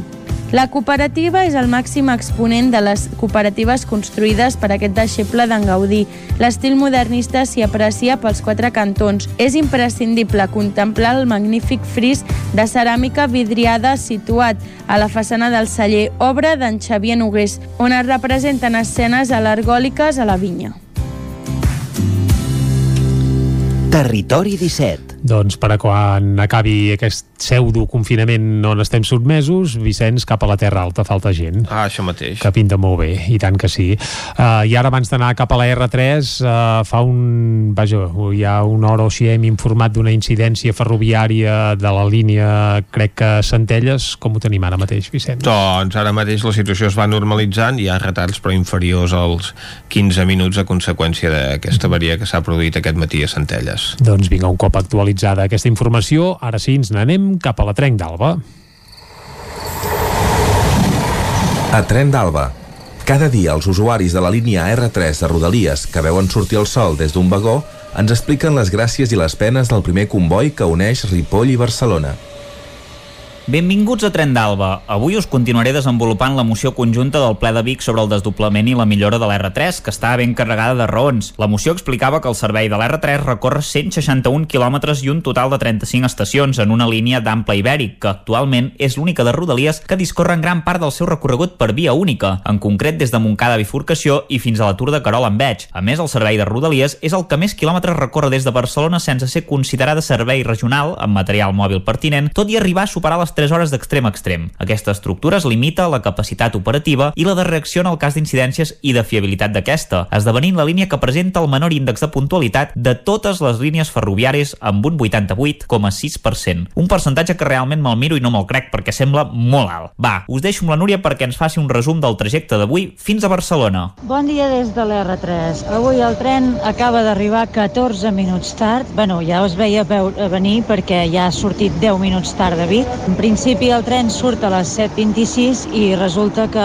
hem d'esperar sempre el tren de Ripoll. Doncs és clar, el tren de Ripoll ja directament els panells informatius anunciaven que arribaria a les 7.36 i efectivament hem esperat que arribés l'altre tren per poder sortir nosaltres. Llavors jo no sé per què tenim horaris, si total foten el que volen. Llavors és normal que arribem com hem arribat. Ja he vist els primers cotxes glaçats que han passat la nit al ras. El vagó feia molta pudor d'haver-hi estat fumant tota la nit. Sembla que, semblava que viatgéssim dins d'un cendrer. Després parlaran de la fantàstica ventilació que hi ha als trens, sobretot en època Covid. Hem començat el trajecte amb silenci absolut, que era d'agrair, però ha durat molt poc. Només d'arrencar cap a Balanyà hem, han pujat dos homes que parlaven molt alt i no, parlava, no paraven d'empassar-se els mocs. La veritat és que un d'ells tossia molt i avui sí que m'he sentit molt exposada. Portaven mascaretes d'aquestes higièniques que jo no sé fins a quin punt fan res. Bé, m'he pogut posar auriculars per no sentir-los, anaven mirant papers, imagino que un acompanyava l'altre, que portava una crossa i semblava que anaven a regularitzar algun tipus de documentació. Dues dones al meu costat han estat tota l'estona xerrant també amb un to molt alt, que si la mira quina noia aquesta revista, mira que guapíssima, mira que bé que ha quedat, ostres, que és fotogènica, que sí com ho fem per poder-nos tenyir que duri, mira, jo fa 15 dies que em vaig tenir, mira quines arrels que porto, és que jo no sé com fer-ho, o l'altre li explicava, has de combinar el tint, has de posar mig tint de no sé què i mig tint de no sé quantos, bueno, et dono aquestes cremes aquestes mostres, mira aquesta, bla, bla, bla, 10 minuts per la primera, aquest és un sèrum que bla, bla, bla, 10 minuts més. O sigui que sí, que començo a desitjar molt que Rodalies també instauri els trens silenciosos, però si es compleix com portar bé les mascaretes, perquè si no, no sé pas si tinc gaires esperances. En fi, el tren de nou tornava a anar ple com un ou i per variar era curt, és clar, no podia ser d'una altra manera. Bon dia des de l'R3, una setmana més. Una abraçada, cuideu-vos molt. La Núria des de Torre Baró. déu nhi esperem que no hagis agafat el coronavirus, però veient tot el que ens expliques d'homes tossint i parlant alt i de dones amb un volum també més alt del normal, no ajuda gens ni mica a la contenció del virus. Va, ens retrobem demà i recordeu que ja portem un retard acumulat de 4 hores i 49 minuts des de l'inici d'aquest mes de setembre. Territori 17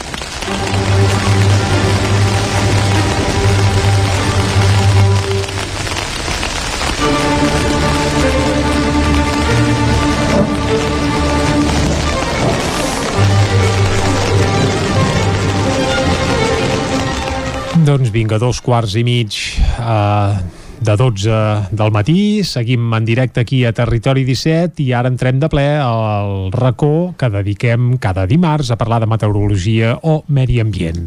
I avui volem parlar d'un tema molt vital, ara que s'acosten dies de fred, bé que ja ha començat alguna fredurada, i és eh, quan hem de començar a engegar la calefacció, com ho hem de fer, quin manteniment hem de fer, què cal tenir a punt, què cal tenir en compte, quina és la temperatura ideal de confort que hauríem de tenir a casa, eh, per respondre aquestes i moltes d'altres preguntes. El que farem és saludar de seguida el Gil Salvans de l'Agència de l'Energia d'Osona. Gil, molt bon dia. Molt bon dia. En Gil ens acompanya cada mes aquí a Territori 17 i avui volem posar-nos al dia i fer com Déu mana, una engegada de calefaccions perquè s'acosta el fred ja, eh? Uh, sobretot el Ripollès, Osona, el Vallès, també déu nhi uh, va ser l'hora va ser l'hora d'engegar la calefacció. Uh, Gil, a molts grans trets, què hem de tenir en compte a l'hora d'engegar de, la calefacció? Primer que faci fred, no? Sí, això, això, això per començar. Si no tenim fred no cal engegar-la.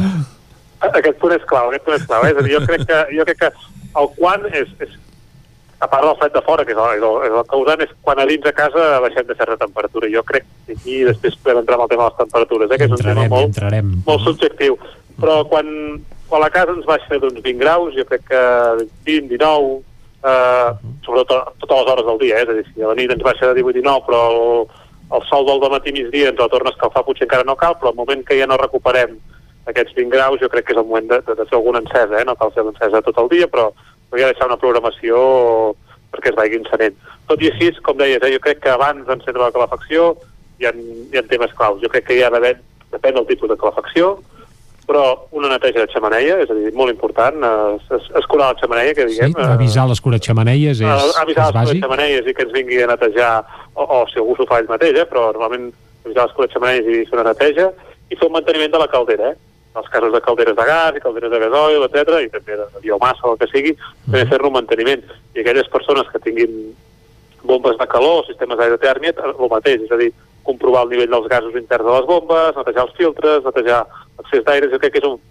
Jo crec que un manteniment l'any és necessari i ara és el bon moment. És ara quan vas a començar, doncs, deixar la màquina preparada, diguéssim. És una, una, ITV, una ITV, perquè mm -hmm. ens entenguem, eh? és a dir, una revisió, revisió de tot el, tota la màquina. Uh, la gent que té radiadors també és un clàssic allò de purgar radiadors, eh? Està clar. És a dir, també clar, aquí entra el sistema de distribució. Si tenim radiadors, és, ara és el moment d'allò d'obrir una mica la xeta, treure l'aire i, que, i que al final tot, el, tot el radiador sigui aigua calenta i no, no tinguem, bueno, bàsicament millorar l'eficiència, eh? no tenir pèrdues de, del sistema. Mm -hmm. Uh... Aquest, seria, aquest seria el primer pas, jo crec. Val, primer pas és tenir-ho tot a punt. Tot a punt. Segon pas, uh, en cas hipotètic que ja ho tenim tot a punt, és, uh, escolta, engegar, ras i curt, eh? I sí. aquí ara volíem entrar una mica amb el tema temperatures que ja has apuntat abans. Clar, això ja és evident que és molt subjectiu i hi ha qui té fred eh, amb 30 graus i hi ha qui el fred no el nota fins que, vaja, fins que estem a 10 sota 0, eh? Però per anar bé, eh, quina hauria de ser la temperatura de confort que hauríem de tenir les nostres llars durant aquests mesos d'hivern? Clar, és a dir, um, com dèiem, eh, primer tot és super subjectiu i a més a més segurament que dins d'una pròpia casa, eh, en la gran majoria de, de, de cases del, del país jo crec que hi ha hi ha disputes eh, en, aquest, en aquest tema. Segur, um, les principals recomanacions de l'Institut Català de l'Energia, de l'ICAEN, perquè, diguem, perquè, perquè ens entenguem, uh -huh. es parla de que a l'estiu la temperatura no pot estar per sota, o recomana, un, en una casa no pots obligar, però sí que en espais públics o, o, o així, es recomana que la temperatura no estigui per sota els 25-26 graus, a nivell d'aire condicionat, i a l'hivern parla de no tenir temperatures superiors a 21 graus. Vale? 20-21, recomanació. Uh, trobarem gent que 21 graus quiet, parat, diguéssim, si el terra a més a més és fred i no estem a prop d'un radiador, 21 graus hi ha gent que té fred, vull dir que a vegades ha de ser 21 i mig, 22. Mm, jo la meva recomanació és això, és 20-21. El que passa que sí que aquí m'agradaria apuntar que no n'estem tenint tot, tota la casa 21 graus. Jo crec que les cases, aquí és un, un gran error de disseny, que la majoria de vivendes del nostre país tenen un sol circuit de calefacció i que tot va segons un sol termostat. O si tenim dues plantes, dos termostats. Mm, no diversifiquem cara nord, cara sud, no diversifiquem a on fem vida i a on només dormim. Sí, dormir a 21 graus no és còmode. És a dir, si a més a més et poses en pijama i et tapes, eh, eh, no, és, no és necessari. Però moltes vegades no podem discriminar i deixar les, les habitacions segurament a 18-19 graus no les hauríem de tocar mai per sobre aquesta temperatura durant tot l'hivern. I, I els menjadors o, o les zones aquestes més on no fas més vida, segurament sí que necessites eh, 20, 21 i fins i tot si fas si són persones eh, que es mouen poc, etc, eh, pots arribar als 22 graus. Eh, aquest seria una mica les recomanacions, eh? és a dir, aquest, una de les dades que és important i que ens acabem apuntar l'altre dia, és que es calcula aproximadament que un grau més és un 7% més de consum. 7%? Sí. Això, dir, uh, aquesta, això a la factura també s'ha de notar, això, eh? Uh -huh. Sí, és a, dir, és a dir, si tu en lloc d'estar 21 aquest any de gent està, està 22, tot és relatiu, eh? Aïllaments, tancaments, etc, depèn de la vivenda, etc. Però de mitjana, es considera que si en lloc d'estar 21 estàs a 22, estàs un 7% més de gas, un 7% més de gasoil o de biomassa o el sistema que tu utilitzis. Aquesta és una dada que també surt d'un estudi fet per l'Institut Català de l'Energia uh -huh. i que, bueno, jo el que recomano sempre és ens, o sigui, a l'hivern no podem estar a casa amb pantalons curts i màniga curta. Ens hem d'abrigar, ens hem d'anar a casa amb mitjons, hem d'anar amb pijames llargs, amb samarret i jersei... Mm, bueno, -huh. bàsicament, jo crec que tots hem de ser conscients, i aquí tornem a entrar en alguna cosa que hem debatut moltes vegades, eh, hem parlat, eh, estem en una emergència climàtica. Vull dir que estem en una necessitat molt important de, de, de, de reduir emissions, de, de reduir el nostre impacte sobre aquest planeta i el tema energètic és la clau, eh? Vull dir, el tema energètic és el responsable de més del 70% de les emissions i per tant és on més podem incidir. I, i aquí és això. Jo crec que també hem de tenir, hem de ser prou racionals i, i prou bueno, prou hem de tenir prou sang freda per, per tenir en compte que a casa a 20-21 graus ja està bé, però més jo ja començo a trobar-ho eh, bueno, és un, un mal ús segurament de, de Clar, segurament molta gent té l'hàbit d'anar amb màniga curta fins i tot a ple hivern per dins de casa i és evident que, que amb aquesta pràctica no s'ajuda ni a l'estalvi ni molt menys eh, bé, al benestar del medi ambient eh? això és, Sí, sí, és sí. evident uh, un altre aspecte que m'agradaria vaja, incidir, eh? ja ho has apuntat també a la nit tampoc cal tenir-ho a 20 o 21 com apuntaves, no? Quina seria la temperatura ideal quan dormim de mantenir la calefacció o tenir a casa? Jo crec, és a dir, mm, tot varia segons els sistemes que tenim, eh, de calefacció, però jo penso que un, un bon règim de temperatures és moure't sempre entre els 18 i els 21 graus. És a dir, mm, quan ens anem a dormir, deixar parar la caldera o baixar-li el termostat als 18, mm, 17 i mig, 18 graus, i quan fem vida dins la casa, els 21. Igual que quan marxem, eh? és a dir, quan marxem, és a dir, si marxem una hora per anar a comprar una cosa no cal, però si allò que ens anem a les 8 del matí a treballar i calculem que fins a les 4 de la tarda no tornem a casa, o a 5, jo sóc partidari de, de, o nosaltres les nostres dades sobre la taula ens recomanen més baixar la temperatura, no, no deixar la caldera totalment parada, perquè si la casa se'n refreda a 16 o 15 graus, després sí que hi ha més consum per tornar a remuntar que no pas haver-lo mantingut, però sí que segurament perdre 2-3 graus, baixar de 21 a 18 graus, i llavors quan arribes a casa fas una nova escalforada, eh, és més eficient, fins i tot és més confortable, eh? és a dir, eh, tenir sensació que els radiadors són calents, que l'aire es mou, quan arribes a casa es mou l'aire calent, doncs és més, tens sensació de més temperatura que tindries si, si tot es fos parat encara que estiguessis a 21 graus.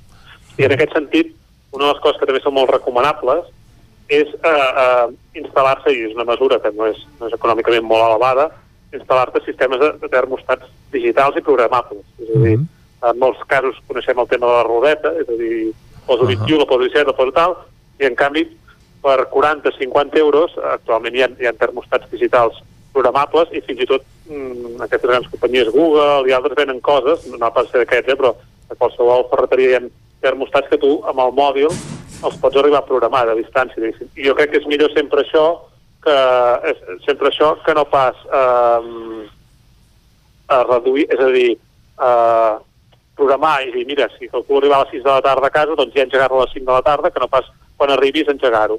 I... Que... Anava a dir, per cert, Gil, aquests termostats als quals fa referència, molta gent eh, segurament no els té on s'haurien de tenir, eh? És a dir, primer una alçada concreta i segon, suposo que també, eh, bé, no s'hi val a qualsevol racó, eh? On han d'estar els termostats? Aquest és l'altre clau. El termostat ha d'estar en, la, en, la, en la zona més, més representativa de la vivenda, també. És a dir, el punt intermig. És a dir, si posem el termostat a la zona més càlida, és a dir, a la zona on ens toca el sol, ens trobarem que la zona, la zona freda eh, eh no se'ns escalfa, perquè de seguida pararà. I, i, i també i al revés, si la posem a la zona, si posem el termostat a la zona de les habitacions o a la zona nord, eh, i el programem a 21 graus, vol dir que la zona càlida arriba a 23-24 graus. Uh -huh. Per tant, jo crec que ha de ser un espai eh, bastant centralitzat i el que dèiem, eh, el millor, el millor, el millor és repartir circuits. És a dir, si anem a fer una casa nova o podem fer una actuació, el bo seria poder dividir la, la, la casa com a mínim en dues parts o si es pot en més, però com a mínim zona més freda i zona més càlida. I el termostat a una alçada aproximada normalment es posen a 1, entre 1,50 i 1,70, que solen posar l'alçada, i sobretot tampoc no posar-los en, en, la, en les parets exteriors, perquè la paret exterior va fet de fora i mm. sempre es posen normalment a, a, a l'interior i no al costat i no sobre un radiador, que també ho he vist. És a dir, un sobre un radiador no té, o pròxim a un radiador no té massa sentit perquè no està, no està agafant la temperatura normal. És dir que, I també és veritat que hi ha termostats, molts d'aquests que estem parlant, que moltes vegades són, són, són mòbils, és a dir, tens una centralitzeta en un lloc, però tu pots agafar la pantalleta i fer-la córrer segons les necessitats que tinguis en cada moment que també, també és una bona opció. Per tant, una, una inversió d'aquest tipus, amb aquests termostats eh, digitals o mòbils, com ara ens comentaves, eh, ràpidament doncs, es pot amortitzar no? amb, el, amb el cost del consum d'energia. Sí, sí, si en fas un bon ús, si en fas un bon ús d'aquests termostats, és una de les coses amortitzables ràpidament. És dir, estem parlant d'una inversió, en tots els casos, per sota els... Bueno, hi ha tot tipus, eh? Depèn de, les, de, la, de cosa que vols que faci el termostat, però estem parlant entre 60 i 80 euros tens un termostat d'aquests i, i fàcilment el primer any d'utilització d'aquest termostat, si se'n fa un ús correcte, eh, és amortitzable, completament. Pensem que la calefacció és el consum energètic més important que tenim, eh? la comarca d'Osona, el Ripollès encara més, el Vallès ja no és tant, però també, mm, totes les mitjanes que tenim és que un 70% de, de, del consum i per tant les emissions de les nostres llars se'ns van en temes de calefacció. Sí que és veritat que cada any és cada any. La, la tendència és anar a la baixa la calefacció, però, però ara estem, estem eh, tot el que parlem de calefacció, en molts casos estem guanyant d'aires acondicionats de cara a l'estiu. I moltes vegades aquests termostats ens poden servir per les dues coses, eh? per programar l'hivern i per programar l'estiu. Mm -hmm. Uh, Gil, abans has parlat de radiadors i de la situació, en aquest cas, dels termostats, però m'agradaria parlar també de la situació dels radiadors. Sobretot molta gent en té d'elèctrics o, bé, o de fixes. Uh, on és el lloc ideal per situar un radiador? Perquè hi ha qui diu que s'han de posar sota les finestres, no sé si per apaivagar o mitigar el fred que ens pugui entrar des de fora, però hi ha qui diu que no. Els radiadors en una habitació on, on han d'estar? És a dir, el primer punt és els radiadors han d'estar al màxim de descoberts possible. El punt número 1, eh? ho dic perquè moltes vegades on és el radiador? Sí, sota la costada, sota no sé què. Ui, malament, el radiador té un sistema de, form... de, de, de generació de calor per convecció i surt l'aire calent cap amunt. Mm. Per tant, si a sobre el radiador hi posem un moble o una postada, no sé què... Clar, allò que es feia, moltes cases hi ha allò típic a sobre el radiador, aquell prestatget, amb, ah. això uh en teoria hauríem Clar. de mirar d'evitar-ho, doncs. Això s'hauria d'evitar. Si et poses la mà sobre aquell prestatget sempre està calent. Vull dir que és una pèrdua de calor eh, important. És a dir, al final, la, la funció del radiador és que l'aire fred per sota agafi temperatura quan passa pel mig del radiador i vagi sortint aire cap amunt, perquè l'aire calent va cap amunt. Uh -huh. I per tant, si posem, si posem una cosa sobre el radiador, eh, estem, tallant el circuit lògic i, i funcional del radiador. I per altra banda, moltes vegades s'optava per, per posar el radiador en, en les finestres per fer una mica de pantalla eh, calòrica, per dir-ho Saps com, uh -huh. com, les, com les portes aquestes de les botigues que s'obre, però hi ha un, un raig d'aire calent que talla una mica, que fa com de paret, encara que no sigui, doncs una mica la funció del radiador sota la finestra feia això. Actualment, amb, amb uns bons tancaments, mm, jo penso que tampoc és tan necessari posar-lo al mig d'un- d'una finestra. I ho pots posar allà on, on, on sigui més pràctic. Vull dir, potser depèn dels tancaments. Si tens uns tancaments molt dolents i realment allà hi ha una entrada d'aire important, un radiador et farà una mica de... No tant per l'eficiència, sinó per la sensació, eh? Et farà com, un tall, com una pantalla eh, perquè no t'entri tant el fred directament cap a dins. També és veritat que tu perdràs calor cap a fora, perquè estaràs, l'estaràs fent utilitzant com a pantalla.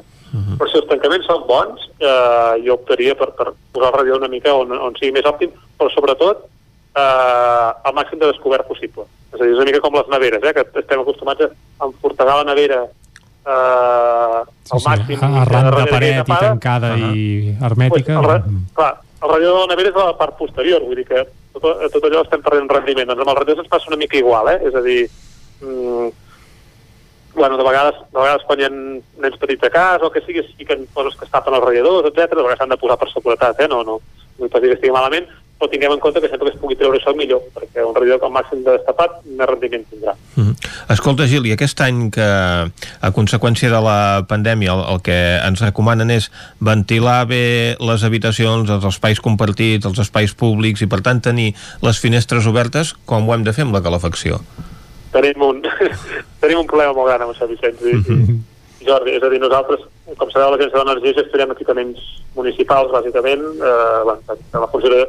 I, i, i és, bueno, és un problema, és a dir, aquest any, i, esperem que sigui l'últim, l'últim hivern, per temes de, de situació del Covid, etc, mm, el tema de l'eficiència energètica passa a un segon, a un segon pla. És a dir, obrir un quart d'hora cada classe eh, de cada hora, doncs és, va totalment en contra de qualsevol tipus d'eficiència energètica, però és el que ara ens trobem i, i realment tenim situacions complexes, eh? vull dir, hi ha molts espais que no podrem arribar a les temperatures degudes. Jo crec que aquí també la gent haurà de, haurà de tenir en compte que aquest any ens haurem d'abrigar més, perquè el que no podem fer és que, que intentar estar a 21 graus si hem de ventilar un quart d'hora eh, cada... De moment sí, perquè no ha fet gaire fred, però quan estiguem a temperatures de 2, 3, no, no arribem ni a 5 graus a fora, serà molt, molt difícil, haurem de consumir molta energia i fins i tot posar nous sistemes de, de, de calefacció per aguantar les temperatures. Jo crec que tots haurem de ser conscients de que toca una mica a abrigar-nos i, i, i a dins, eh, fins i tot dins les aules, a dins dels espais públics o dins de casa. Eh? És a dir, sí que és veritat, de banda que ja havíem parlat una vegada, que és important eh, ventilar, és a dir, una llar a tot arreu, és important uns 10 minuts al dia, obrir la finestra, renovar l'aire, etc. Però després, quan ja engeguem temes de calefacció, el millor és, és tenir-ho tancat per eficiència energètica. El que passa que aquest any ens toca ballar amb això i, i realment poc s'hi pot fer. Jo el que sí que ens hem trobat en algun cas que és oh, com que haig d'obrir, després quan tanco no tinc prou temperatura, ficaré un radiador més. Bueno, potser ens podem mirar d'estalviar i brigar-nos una mica més, obrir i ventilar, i, i si aquest any no estem a 21 i estem a 19 i mig o 20 graus, doncs intentar entre tots um, fer l'esforç, diguéssim, perquè tot el que guanyem per una banda perdrem per l'altra. El que està clar és que de moment la meteorologia ajuda perquè fred, fred, fred, grans glaçades encara no n'hi ha hagut, eh? Està clar, no, no. Jo crec que això, és a dir, aquest tema que, que, que ha citat tu, Vicenç, uh -huh. uh, de moment no, no s'ha posat sobre la taula perquè, com dius, el, el fred no ha arribat, eh? Jo, no. jo he tingut alguna discussió en alguna oficina de tinc fred, mm, sí, però és que hi ha la finestra oberta, eh? la calefacció ja va, però hi ha la finestra oberta i per tant no dona, és a dir, les calefaccions estan pensades perquè les llars o els equipaments o els llocs estiguin tancats, no estan, en cap cas estan dimensionats ni pensats perquè hi hagi una entrada de fred constant. I per tant, quan arribi el fred de debò, que esperem que arribi, perquè jo crec que n'ha de fer sempre, de fred és bo, uh, mm, bueno, jo crec que aquí tindrem disputes i hi haurà, hi haurà, bueno, eh, hi haurà una situació complicada. complicada. Bé, complicada, però com bé has dit, el que s'ha de fer és primar bé, primer la salut i després, evidentment, eh, hi ha alguns costums eh, que hauríem d'anar deixant enrere i hi ha moltes solucions eh, per tenir la casa confortable, no? Ens has parlat d'abrigar-nos segurament un xic més, mantenir la temperatura en la mesura que puguem, aprofitar, fins i tot hi ha, hi ha molta gent que diu que aprofita la calor eh, que surt del funcionament d'alguns aparells, tipus la televisió mateix, l'ordinador, equips, eh, això també és real? És a dir, existeix aquesta calor que ens aporten també alguns aparells que hi ha a les nostres llars? És petita, eh? És petita aquesta... És petita i cada vegada més petita. És a dir, a la mesura que van augmentant l'eficiència dels, dels equips, els equips, que ara ja també les teles tenen classificacions A, B, no sé què, a mesura que al final, quan no tenen, efici quan no tenen eficiència aquests equips, és perquè tenen, ho perden en forma de calor. I per tant, aquest tipus de calor cada vegada és més petit. Jo sí que el que recordaria és el que jo a casa meva, a casa meus pares, sempre havia vist que quan arribava l'hivern el meu pare ficava una, una goma a la porta d'entrada de casa, eh? collava dos pisos amb una goma a baix i, i, i això, i a les finestres també es tapaven coses, etc. I això, amb el pas dels anys, eh, s'ha perdut. És a dir, crec, que, crec més en el tema d'aïllar-nos a dins de casa, però aquest any, amb aquesta situació, és més complicat i, per tant, ens recomana ventilar, però Bé. fora d'aquest any... Ventilar no vol dir que no puguis tapar bé la porta un cop has ventilat, això Clar. també és cert. Això és, per això t'ho dic, és a dir, jo és a dir, sempre em pare, penso que és més en, en aïllar-nos les cases, en, en millorar els tancaments, en posar gomes a les finestres, fins i tot si tenim fals sostres, posar suros o, o sistemes d'aïllament, etc, que, que buscar l'escalfor que pot perdre una tele o, o un portàtil o, L'altra cosa és el forn, eh, que dins la cuina, quan l'engegues i el deixes allà i llavors l'obres, allò sí que aquell dia sí que d'això, però, però tampoc és eficient escalfar-nos al forn, eh? vull dir que el forn està passat per una altra No, cosa. el no, forn, no, exacte, no és, no és una calefacció. Però, bueno, com bé dèiem, també es pot aprofitar una mica en moments puntuals, només faltaria. També pots posar un fireplace a la pantalla del televisor i psicològicament, si més no, també t'escalfes. També, sí, la veritat és que de vegades el tema psicològic amb el tema de d'escalfar-se és important, eh? I ajuda molt, sí senyor. Gil, moltes gràcies per haver-nos acompanyat uh, una vegada més aquí a Territori 17. T'esperem el mes vinent. Moltes gràcies. A vosaltres, gràcies. I Vicenç, ens toca acomiadar-nos ja. Doncs sí, posem punt i final al territori 17 d'aquest dimarts. Nosaltres tornem demà a partir de les 9 del matí. Fins llavors, adeu-siau. Adeu. Territori 17, un magazín del nou FM. La veu de Sant Joan, Ona Codinenca i Ràdio Cardedeu amb el suport de la xarxa. El nou FM.